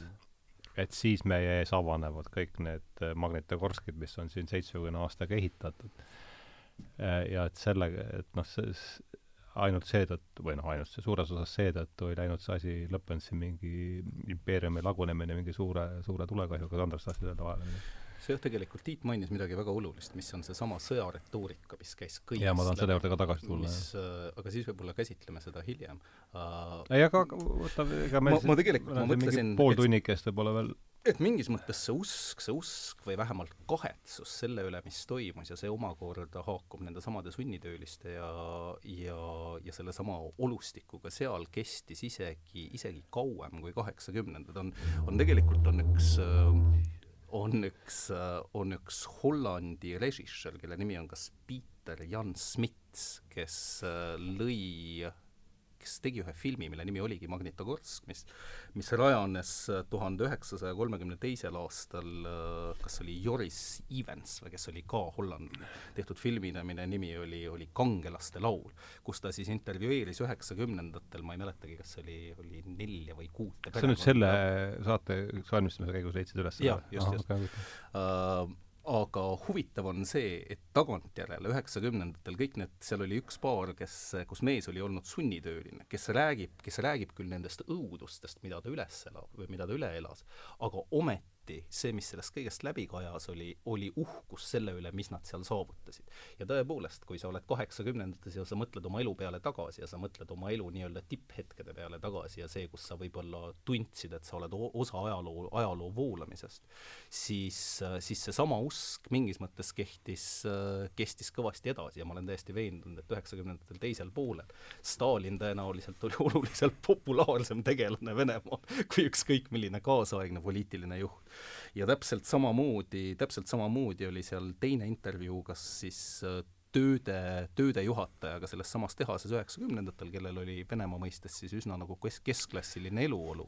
aga kes ikkagi avaldas kahetsust selle üle, kuidas kõik oli palju parem siis, sellepärast et siis ta ei pidanud muretsema selle pärast, kuidas ta maksab oma poja kooli eest ja ülikooli eest ja nii edasi. et seal on, et ta oli, mingis mõttes oli tegu ikkagi ka seiklusega ja kui ma vaatan kas või oma tänast tegevust, siis see meenutab mulle üllataval kombel, üllataval kombel seda, milles kosmosevaldkonnas räägivad need, kes tahavad kas koloniseerida Kuud või koloniseerida Marssi. see on üks, siit on üks täiesti, ja see võib-olla on tõesti kõrvalvõige, aga üks Hollandi ettevõte kuulutas välja konkursi kaheteistkümnele kohale, kus kuulutati väga selgelt välja, et me otsime kahteteist vabatahtlikku, kes oleksid nõus lendama Marsile. see on ühe otsa pilet, tagasi te ei tule. ja taotluste arv nendele kaheteistkümnele kohale oli miljonites. mis toob meid tagasi sellesama asja juurde, et ühel hetkel, ühel hetkel meil on, meil on paratamatult äh, Exceli ajastul on meil kalduvus kõike mõõta sellesama tõhususe järgi ja sellesama majandusliku mingis mõttes ratsionalismi järgi, aga inimese liikuma panev jõud, nagu on näha, kas olgu see siis kuu koloniseerimisest seiklushimu. või, või, on, on seiklushimu, just nimelt, see täpselt niimoodi oli, oli see, et et sotsiaal-, seesama Kotkin tegelikult tsiteerib seda ka, oli see, et et sotsialismi all elamine oli, oli pioneerlik seiklus kas ta ütleb, millest üks lause oli ka lausa see, et sotsialismi ülesehitamine oli võrdne uue mandri asu-, asu-, avastamise või asu-, asustamisega, ma isegi, mingi niisugune lause oli. täpselt, ja siin on ikkagi, mis läbi kõlab, ma ei saa jällegi ütlemata jätta, et kodusõda, et Just. siin on tohutu kodusõja, kodusõja retoorika ja, ja tegelikult ju saadeti Magnitogorskisse ka otse demobiliseeritud äh, sõdureid, kodusõda oli küll ammu läbi, aga, aga siin kirjeldatakse kaasuseid, kus terved üksused suunatakse Magnitogorskisse ja, ja mõnes mõttes see oli võitluse jätkumine, kui ennem toimus võitlus valgekaartlaste ja nende imperialistlike toetajatega, siis nüüd toimus võitlus keskkonna, stiihia, ajaga ja kui me vaatame kas või Magnitogorski häälekandjat, siis selle pealkiri on väga kõnekas, et see on võitlus metalli eest, Barbaza metall mm. -hmm. et, et selline sõja ja eesmärgi ja, ja samal ajal ka võib-olla ka seikluse retoorika oli ikkagi, oli läbiv ja nüüd kummaline on see, et lõpuks Nõukogude Liit saigi oma, oma sõja. ja, ja ma olen mõelnud, et kui palju siin oli nüüd sellist, sellist paratamatust ja kui palju oli nüüd midagi, mida nad ise esile kutsusid kogu oma selle ühiskonna arengumudeliga, mis tekitas vastasvõistkonnas ikkagi väga suurt ärevust, olgem mm., olgem ausad, et et, et päris, päris tühjusesse see ideoloogia ei, ei haihtunud. kui me vaatame siin neid fotomaterjale, mis siin raamatus on, et see on ka päris kõnekas, et siin äh, bürokraadid kannavad tšekistide nahkjopesid ja ja, ja töölised kannavad sulatusahjude kohal budjonovkaid mm, -hmm. Et äh, ja ütleme, kogu ka selline väline külg on, on väga huvitav. French mis siis teatavasti tuleb Kerenskilt, kellel tekkis geniaalne mõte kasutada sõjaväelisi elemente, kusjuures ise ta vist auastmelt oli, oli, kas ta oli lipnik või nii nagu nii mõnigi siin saalis viibija. aga, aga talle see sõjaväeline pool meeldis ja nüüd äh, Stalin võtab selle üle ja, ja kui me vaatame, siis selline Frenchi modernsem äh, väljalase või anne on, on praegu ka Põhja-Koreas väga populaarne et seesama võitluse, võitluse moment, me ei tohi hetkekski lasta tähelepanul raugeda. et tundub, et siin on praegu kolm inimest, kes räägivad ajaloo teemadel, aga võib-olla üks nendest on vaenlane. et, et me ei tohi seda, seda unustada. see kõlab nüüd natukene noh, võib-olla võib-olla on siin huumorit liiga palju, aga, aga selles ühiskonnas oli see, oli see argipäev ja ja siin teoses räägitakse väga huvitavast filmist, mille nimi on Parteipilet. kui ma õigesti mäletan, siis kas see oli kolmekümne kuuendal aastal tuli see linale ja seal siis räägitakse sellest, kuidas imperialistlikud luureagentuurid annavad kohalikule Magnitogorski töölisele kusjuures ülesandeks hankida partei pilet. ma mäletan ka seda, jah. aga nüüd filmi selline jube külg on, on selles, et et töölise abikaasa siis usaldab teda, isegi Just. toetab teda parteipileti hankimisel ja hiljem siis äh, see abikaasa hävitatakse ja Nõukogude inimesed vaatasid ja ja leidsid, et tegemist on põneva... imperialistide poolt siis? Äh, ei, kusjuures seda nüüd hävitavad Nõukogud, kui ma, kui ma õigesti mäletan, kas see, kas see mul tuleb meelde mingi, aga see, nii täpselt ma ei mäleta. et see oli Nõukogude pool ja ja, ja seal oli kas mingi rahvakohus või igal juhul tabas teda seltsimeeste hukkamõist. võimalik, et talle anti võimalus ümber sepistuda mõnes, mõnes ruumi, ruumipunktis, aga aga, aga kõige muu hulgas see Magnitogorsk oli ka selle traumeeritud ja sõjas ikkagi vaimselt sandistatud äh, elanikkonna ümberasustamine ja, ja ka, ja ka neile eesmärgi, eesmärgi andmine. mm ja, ja võib-olla siin tuleb ikkagi väga selgelt välja öelda, et ei jääks muljet, et meie ees on siin praegu paksud teosed ja me vaimustume stalinismi saavutustest, tegemist, tegemist oli ikkagi sügavalt haige ja ebainimliku ühiskonnaga. aga nüüd, kuidas selline ühiskond sai tekkida, kuidas ta sai püsida ja kuidas inimesed sellesse ikkagi uskusid, see on nüüd küll valus, valus küsimus. ja seda on Kotkin väga huvitavalt seal äh, on, lahanud. on jah on, äh, mulle tuleb kohe meelde, kui sa mainid, kui sa mainid parteipiletit ja abikaasasid, mul tuleb sellest samast teosest kohe meelde abikaasa Anna kiri abikaasa Marfale nii. Tegelikult äh, abikaasa Anna oli siis äh,, oli siis kogu, kogu vabriku, vabriku tublim siserongijuht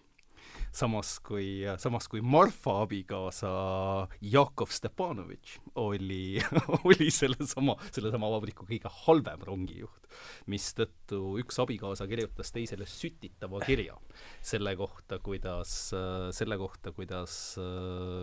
kuidas olla, olla lööktööline ja olla parim on väga hea ja kuidas on kõige austusväärsem asi kogu maailmas ja kuidas poes, poes saab ilma järjekorrata asju osta ja kuidas on üks, teine, kolmas ja neljas ja kuidas ta siis pakub abi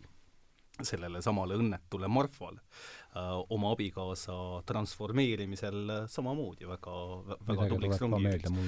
ühel hetkel muidugi tuleb välja, et, et Marfa, kellele kiri on adresseeritud, ei oska lugeda, mis on veidi, mis on veidi õnnetu. ja muidugi Kotkin küsitleb ka seda, kas see kiri oli tegelikult siiras või see oli osa sellest samast üsna haigest mängust, mida Tiit kirjeldab, kus, kus sul oli mingisugune teatud retoorika. ja sellesama peatüki nimi ongi bolševiku keeles rääkimine, äh, kus seesama ametlik mm. retoorika oli hoopis teine. Võib-olla Tiit tegelikult äh, tõi välja veel kaks elementi, mis panid mul, mul tuled peas, tuled peas põlema, üks oli seesama, seesama seikluslik element ja see, kui, kui palju oli paralleele spordiga uh,, kus kõik need võistlused kus üks vabrik kutsus teise välja, kes suudab rohkem toota, kus üks, kus, kus on nimekirjad sellest, kui palju keegi on parajasti mingisuguse päeva või mingi vahetuse jooksul midagi teinud, seesama hasartlik seiklus, spordielement oli ikkagi, oli, oli tööjõu motiveerimisel üsna, üsna oluline, üsna oluline. see lisandus see Stahhanovlik just mütoloogia sinna otsa. millest, millest Ameerika spetsialistid äh, keeldusid aru saamast ja, ja Andres siin viitas sellele võistlusmomendile, et siin kirjeldatakse ju kaasust, kus siis toimub kahe sellise brigaadi kohtumine, kes siis liiguvad jõe kallastelt ja ameeriklased ütlevad, et ärge tehke seda, et see on hukatuslik. aga loomulikult sotsiaal-, sotsialistliku võistluse moment oli kordades tähtsam kui lõpptulemuse kvaliteet, nii et et võistlus viidi, viidi siiski, siiski läbi ja ja siin on taas midagi ebainimlikku, on sellise nooruse ja, ja entusiasmi ja nooruse elujõu kasutamine või kanaliseerimine millekski ebainimlikuks.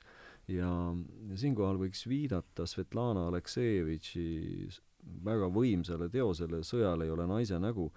kus ta kirjeldab see on kolm, eesti, see on eesti see on eesti keeles olemas, jah. ja, ja seal ta kirjeldab, see on pihtimuslik teos, et ta koosneb siis no nagu tal on need asjad, jah et teda on nagu raske lugeda, aga, aga raske sellepärast, et emotsionaalselt raske, aga, aga kindlasti tasub lugeda. Ja tema seal kirjeldab nüüd äh, sedasama põlvkonda,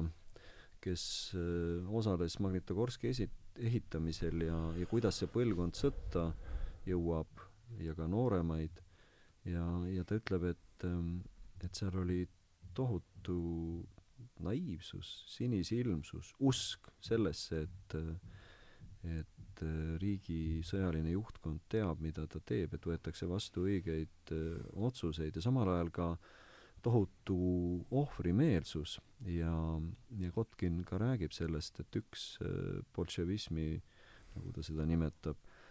aspekte oli suutlikkus sedasama ohvrimeelsust mobiliseerida või üleval hoida ja, ja seda seda suunata ja, ja Magnitogorski tegelik tähendus ikkagi ilmnes Suure Isamaasõja päevil ja, ja, ja mingis mõttes see oli ikkagi väga kangelaslik äh, lehekülg selle kompleksi ajaloos, mis seal, mis seal tehti, aga seesama sportlikkus, äh, hasart, äh, usk, innukus,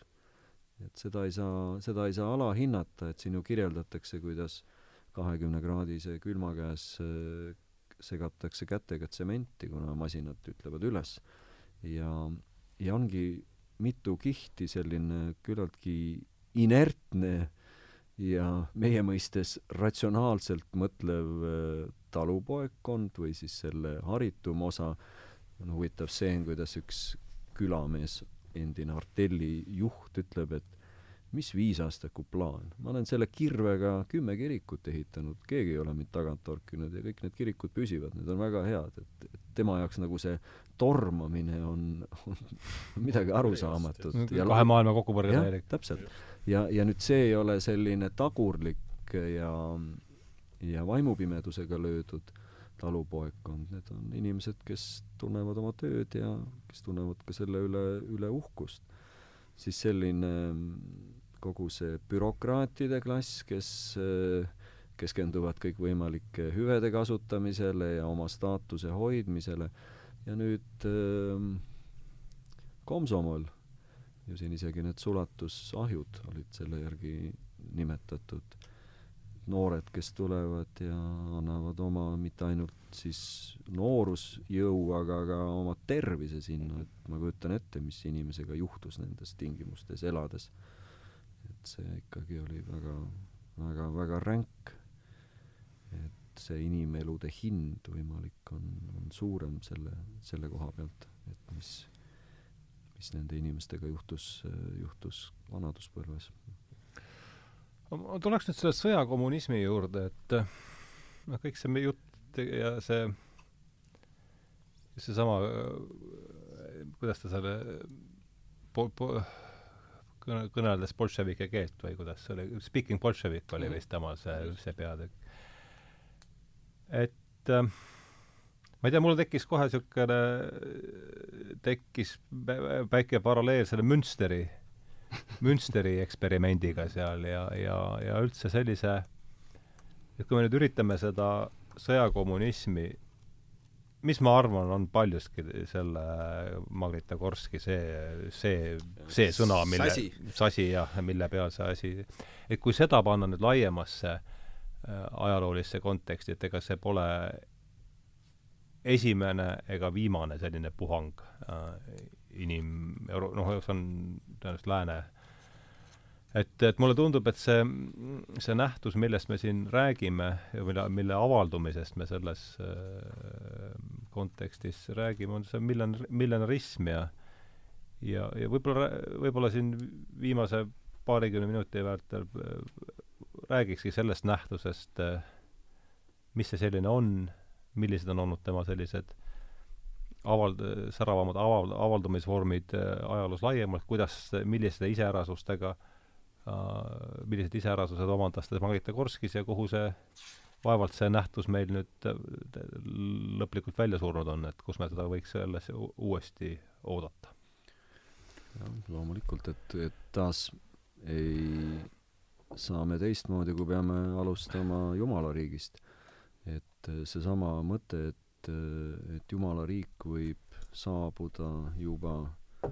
Jeesuse jüngrite eluajal, selgus, et see ei tulnud. et siin on väike ajalooline nihe, millal see siis äh, tuleb. keskajaloolased on öelnud, et see aastatuhande vahetus nüüd nii, nii äh, määrava tähtsusega ei olnudki, lihtsalt aeg paneb omad rajajooned, aga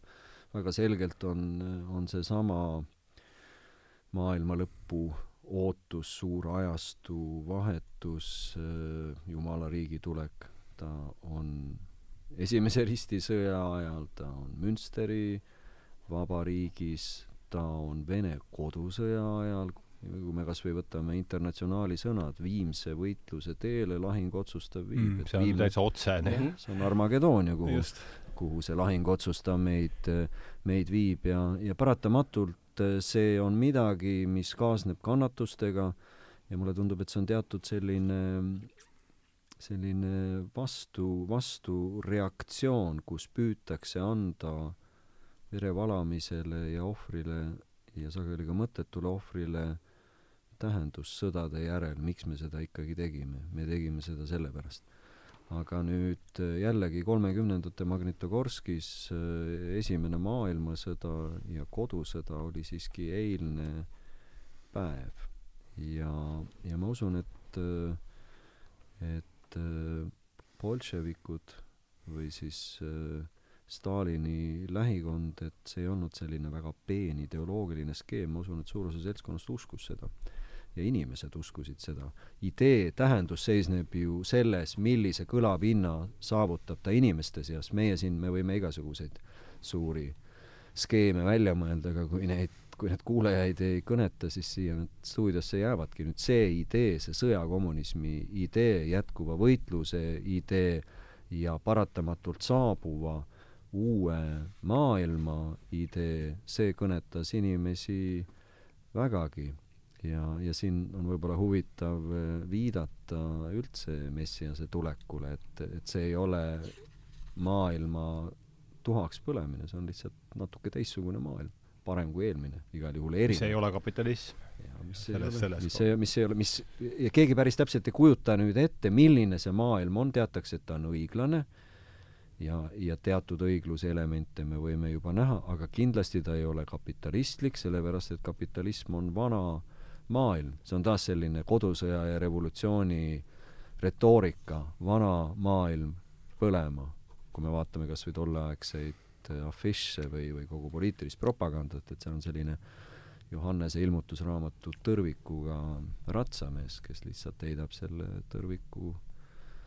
vana maailma suunas ja tuleb midagi, midagi uut. ja nüüd, kui me lisame siia nüüd kogu selle konteksti Magnitogorski industriaalse vägevuse ja kõik need, kõik need malmi ja šlaki hunnikud, mis seal olid, kogu see toodang, kas või seesama kaanepilt on siin väga, väga kõnekas, et teatud mõttes see oli, oli uus maailm. Jaa, siin, siin võib-olla, võib-olla meie meie erinev kogemus või meie erinev fookus ajaloos tuleb natuke nähtavale, sellepärast et Tiit, Tiit keskendub selgelt rohkem keskajale, samas kui, samas kui, kui minu, kui minu ajaloo, ajalooõpingud on rohkem keskendunud võib-olla seitsmeteistkümnendale ja üheksateistkümnendale sajandile. mistõttu mina oleksin oluliselt küünilisem ja mingis mõttes palju materialistlikum selles osas. et kahtlemata ma, ma arvan, et see identiteedi küsimus oli, oli kahtlemata oluline, kuna ehitati üles äh, täiesti uut identiteeti. samas see, mis selgelt ikkagi näidustus Magnitogorskis ja ma arvan, et see on tihtipeale olnud ka niimoodi suure osa teiste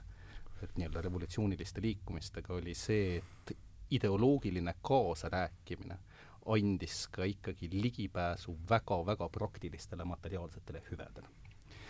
et ma, see ei olnud võib-olla selles mõttes, et usuhullus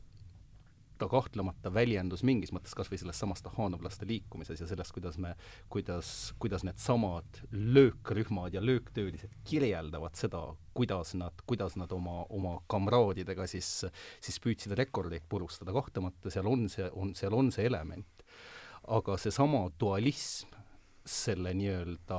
bolševiku keele ja igapäeva tegelikkuse vahel minu meelest tuleb sellest raamatust üsna tugevalt välja. et kõik see, mis puudutab, mis puudutab sedasama õnnetut John Scotti abikaasat Mashat, kellel oli oma teenija, ja mm. ühel hetkel seda, kuidas kirjeldatakse selle, seda, kuidas, kuidas lööktöölised said samal päeval kaks mootorratast alates sellest, kui palju sa said süüa ja mis muid hüvesid sulle, eriti seesama nii-öelda korteri küsimus, mis muidugi oli täiesti keskne. see, kus see süsteem oli ääretult osav, oli see, et ta sidus, ta sidus sellise pluralismi, nagu sa seda kutsud, retoorika väga praktiliste igapäevaste asjadega mm. ja sellest on üsna raske, sellest on üsna raske, üsna raske ümber saada.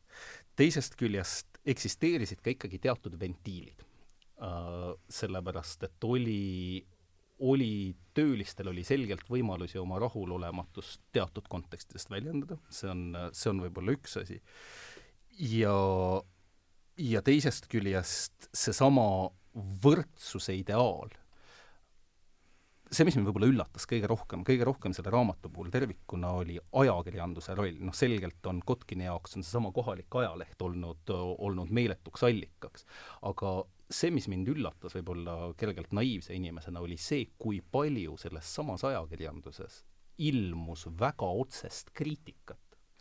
kõige selle osas, mis igal pool toimus mm. -hmm. see, miks see niimoodi oli, mulle tundus, et,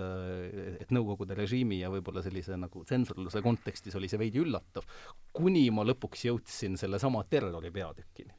kus oli selge, et ajalehed ise olid partei kontrolli all mm, -hmm, samas kui just. kogu materiaalne ressurss oli, oli vabriku, oli vabriku käes. ministeeriumi siis. just, mistõttu, mistõttu see, mis mulle alguses tundus sellesama naiivse uljusena, mida, mida Tiit on juba ja see vastasseis äh, tekitas selle pingevälja, kuhu see terrorisäde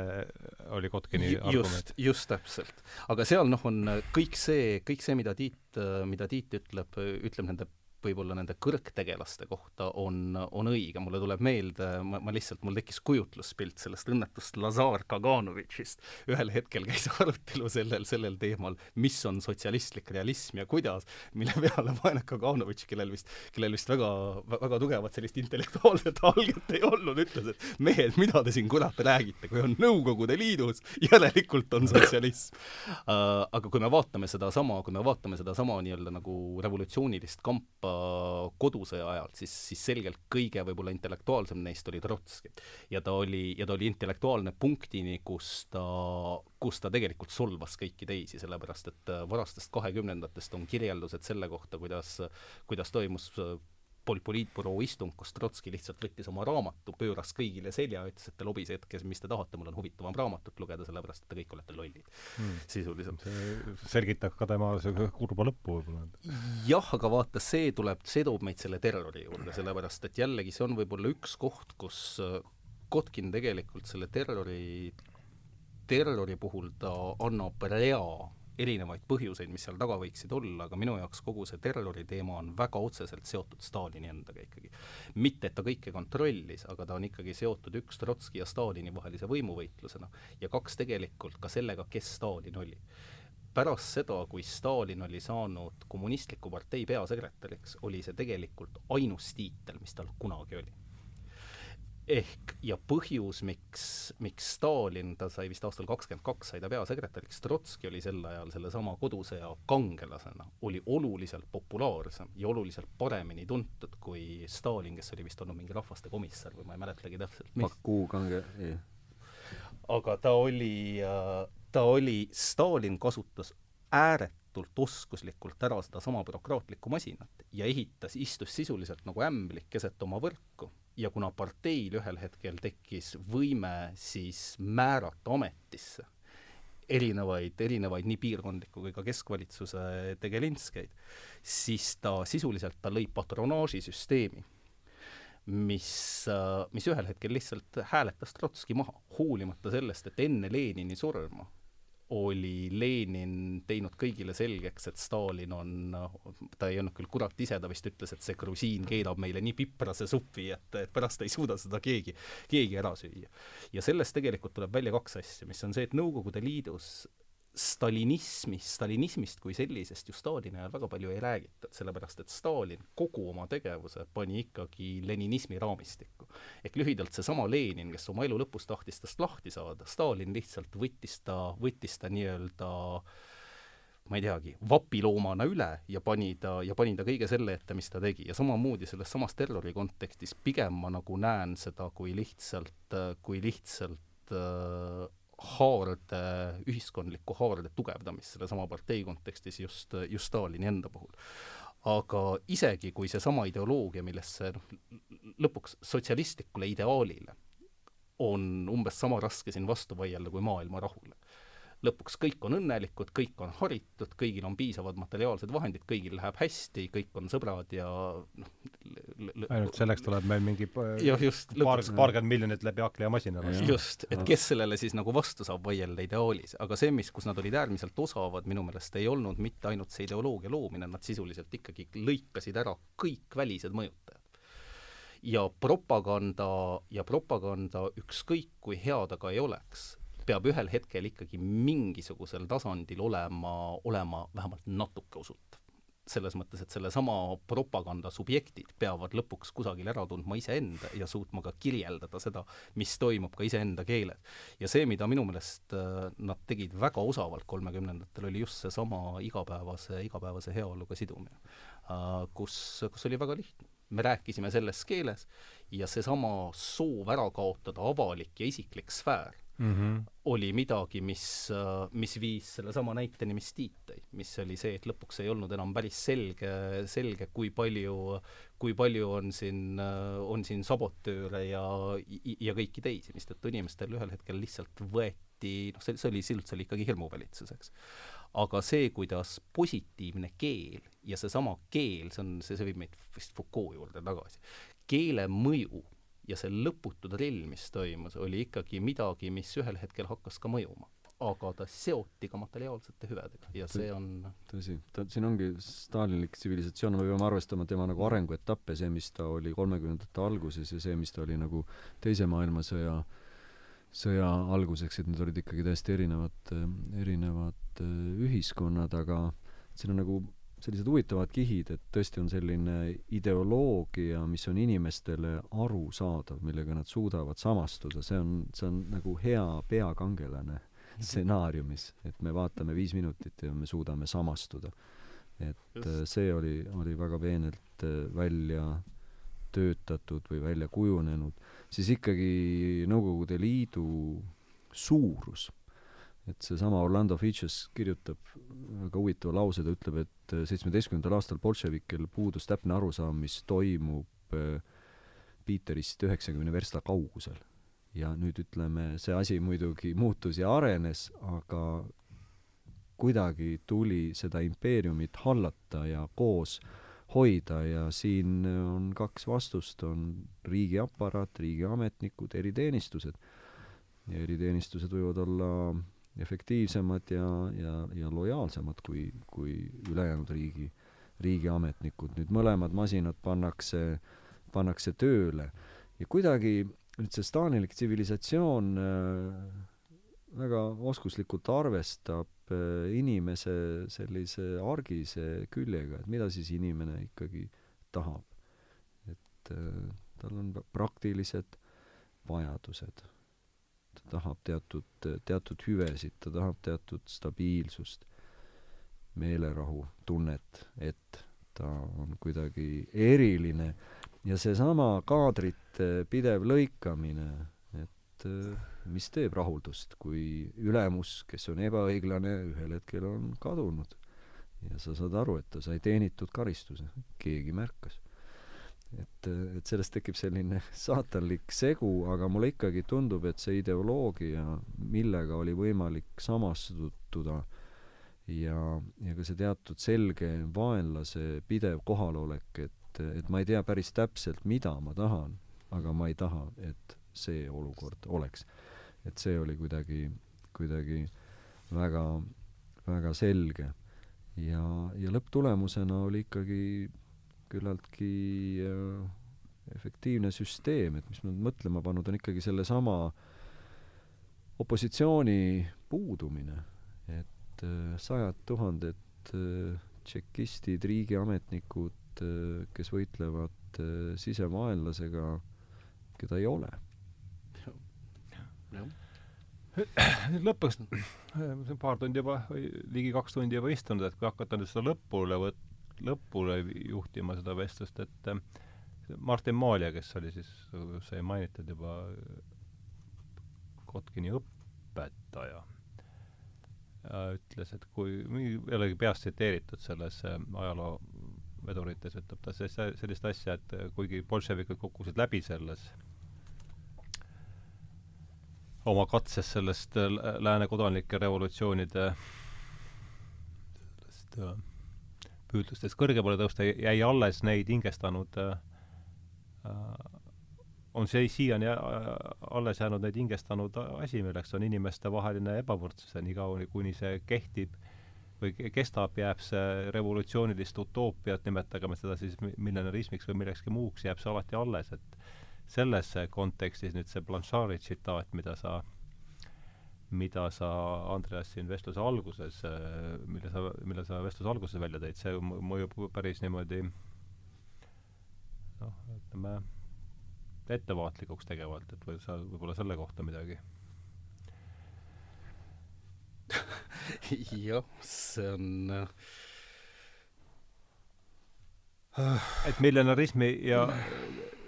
millenarismi tagasitulek, olgu see siis kommunismi või mingi, või mingi muu ismi kas teil on komisjonis plaan olemas? komisjonis, komisjonil on plaan, plaan kõige osas ala, alati. aga kas ma, ega ma ei oska, ma ei oska ju ka tulevikku, tulevikku vaadata, ma arvan, et ma arvan, et see, mis sa räägid, mi-, mi-, mingis mõttes me jõuame, me jõuame inimese juurde tagasi, tagasi seal kusagil kakssada, kakssada tuhat aastat tagasi, kus me kõik veel mööda steppi ringi, ringi lippasime, just uh, fakt on see, et me ikkagi oleme, oleme üsna, me oleme üsna,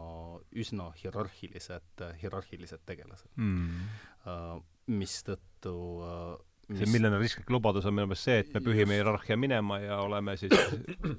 just. ühtses horisontaalses sellises võrgustikus mõnda aega. aga nagu sellesama nii-öelda uue eliidi loomine siinsamas ka Kotkini raamatus kuidagi, kuidagi välja toob, siis ühel hetkel, siis ühel hetkel on, on olukord, kus kus mine, minema pühkijad ise tunnevad, et võib-olla nad on, nad on ära teeninud rohkem kui, kui need, kes võib-olla pühkimises natuke vähem aktiivselt, vähem aktiivselt osalesid. Uh, tulles nagu selle Kotkini juurde tagasi, ma arvan, et kui me vaatame sedasama, sedasama terrorit ja seda meetodit, see, mis oli hämmastav, oli see, et lõpuks sellesama terrori käigus kõik need sajad tuhanded ja lõpuks selle, selle terrori ohvrite arv äh, vist üle Nõukogude Liidu oli, oli vist kuussada tuhat inimest või midagi sellist. suur enamus neist lõpuks ju tunnistas ennast süüdi. siis me tuleme natuke selle majandusliku mudeli juurde. see on see, millest Köstler kirjutab just. just, kus, kus ühel hetkel kõik ju olidki milleski süüdi hmm.. sellepärast, et selleks, et selleks, et selleks, et tagada vajalik tootmisnorm, oli vaja kas materjale tagasi hoida või neid osta mustalt turult või sisuliselt lõpuks see oli, see oli süsteem, kus sul oli ametlik ametlik kiht oli peal ja ebaametlik kiht oli all. ja selleks, et suuta ametliku kihi nõudeid täita, pidid kõik ühel või te-, ühes või teises vormis tegelikult ka tege-, tegutsema ebaametlikus kihis, mis tähendab seda, et sul on ühes hetkes ühiskond, kus, kus kõik on milleski süüdi ja see on, noh, see, see on väga nagu dramaatiliselt, see on väga, see on küll väga dramaatiliselt esitatud, aga see, aga see annab ühel hetkel ääretult tugeva võimu neile, kes üks kahest kas suunavad ideoloogiat või valdavad või tegelikult valdavad siis kogu, kogu informatsiooni. tänapäeva, tänapäeva maailmas ma ei tahaks mitte kuidagi, mitte kuidagi ennustada, üks sellepärast, et ma lihtsalt ei oska ja nagu öeldakse, siis ei ole, ei ole kindlamat viisi ennast lolliks ka teha, kui, kui tulevikku ennustada. Küll on aga, küll aga te ju näete samu asju, mis minagi, eks, mis puudutab, mis puudutab maailmapoliitikat ja mis puudutab ka, ja mis puudutab ka äh, ka mingis mõttes äh, Euroopa ja Ameerika väliseid arenguid. sellepärast, et kui Tiit küsib, kui Tiit küsib, kas äh, olgu see komisjon või keegi teine, kas plaan on olemas, ma arvan, et äh, ma arvan, et enne kui me isegi räägime plaanidest, on võib-olla mingisugused tendentsid, nii nagu see Kotkini raamat ka väga hästi räägib, et plaan võib olla suurepärane, aga tegelikkuses noh, asjad lähevad niikuinii oma rada aga mitte ükski plaan ja ka maailma kõige parem poliitika praeguses olukorras ei muuda ühte, ühte asjaolu, mis on see, et, mis on see, et läänemaailma relatiivne tähtsus maailmas kahaneb ja ta langeb. Ja see poliitika võib olla hea, ta võib olla halb, need meetmed võivad olla rohkem või vähem, rohkem või vähem dramaatilised, aga, aga lõpuks seda, seda fakti. Ilma mingisuguse suure šokita ei muuda mitte, mitte miski ja mu hirm on, on võib-olla eelkõige selles, et ühel hetkel, ühel hetkel kusagil keegi hakkab mõtlema, et kuna, kuna asjade lineaarse arengu puhul midagi ei muutugi väga, siis võib-olla on seda suurt šokki vaja. noh, natuke nii, nagu Teine maailmasõda väidetavalt, väidetavalt päästis Saksa majanduse ülekuumenemisest ja omakorda andis veel ka, andis veel ka mingisuguse lisandväärtuse sellele samale New Dealile või siis uuele uuele kokkuleppele, mille Roosevelt lõi USA-s, ma arvan, et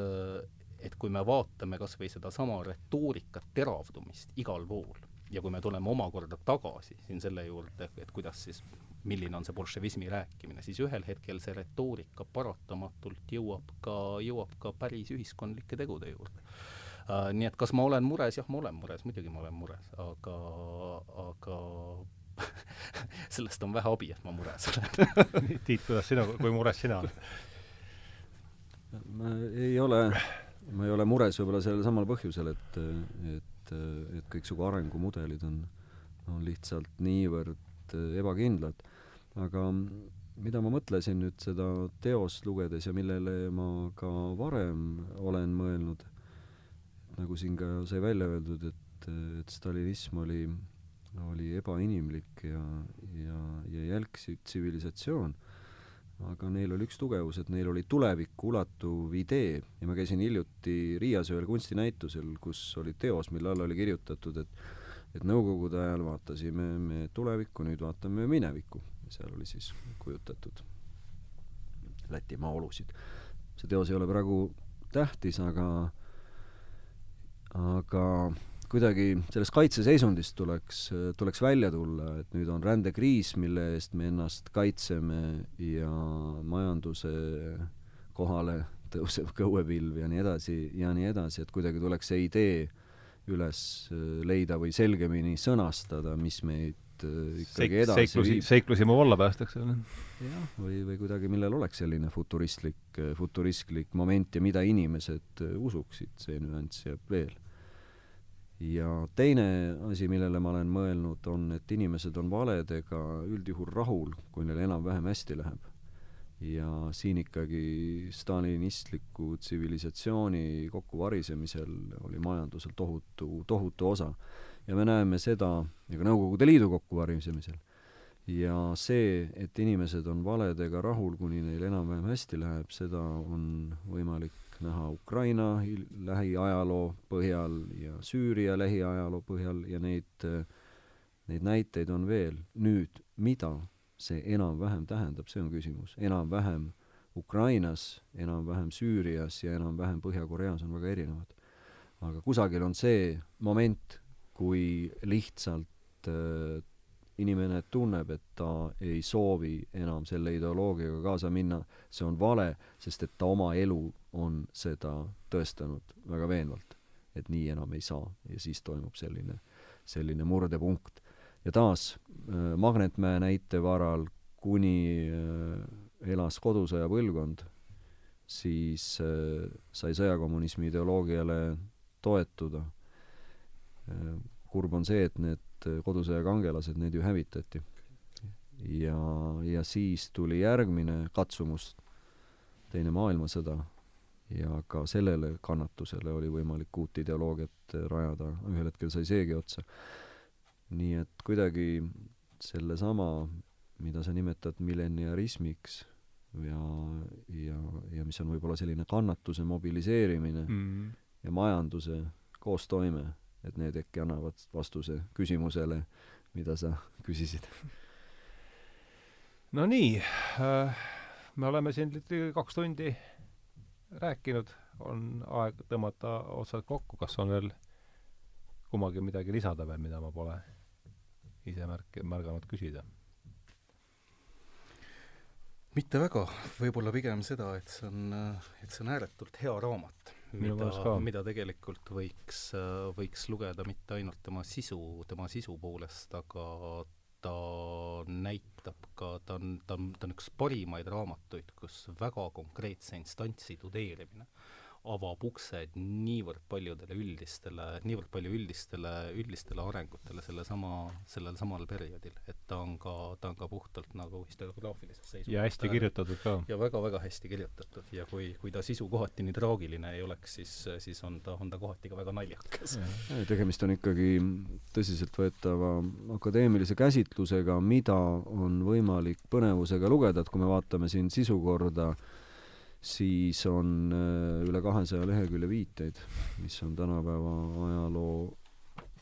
publikatsioonide puhul küllaltki, küllaltki haruldane ja, ja koolkonnad vahetuvad ja, ja uued lähenemised tulevad peale, aga mulle tundub, et see Kotkini teos on, siin on midagi, mis, mis kestab ja, ja just nimelt selle sama stalinistliku tsivilisatsiooni üldistusjõud tema käsitluses mm., kogu see sotsiaalpsühholoogiline mõõde, ja samal ajal on temas majanduslikku teravust, et see ei jää lihtsalt selliseks poeetiliseks, poeetiliseks ekskursiks, et äh, soovitan ka raamatut. no mul on hea meel, et teile raamat meeldis ja mul on hea meel, et te saatesse tulite, nüüd praegu lõpetuseks tuli mulle meelde, mäletate, seal oli üks episood, kus äh, just enne suurt terrorit, kus need äh, suured šiškad olid sinna klubisse kogunenud ja lubasid seal vandasid truudust ja, ja lubasid kõik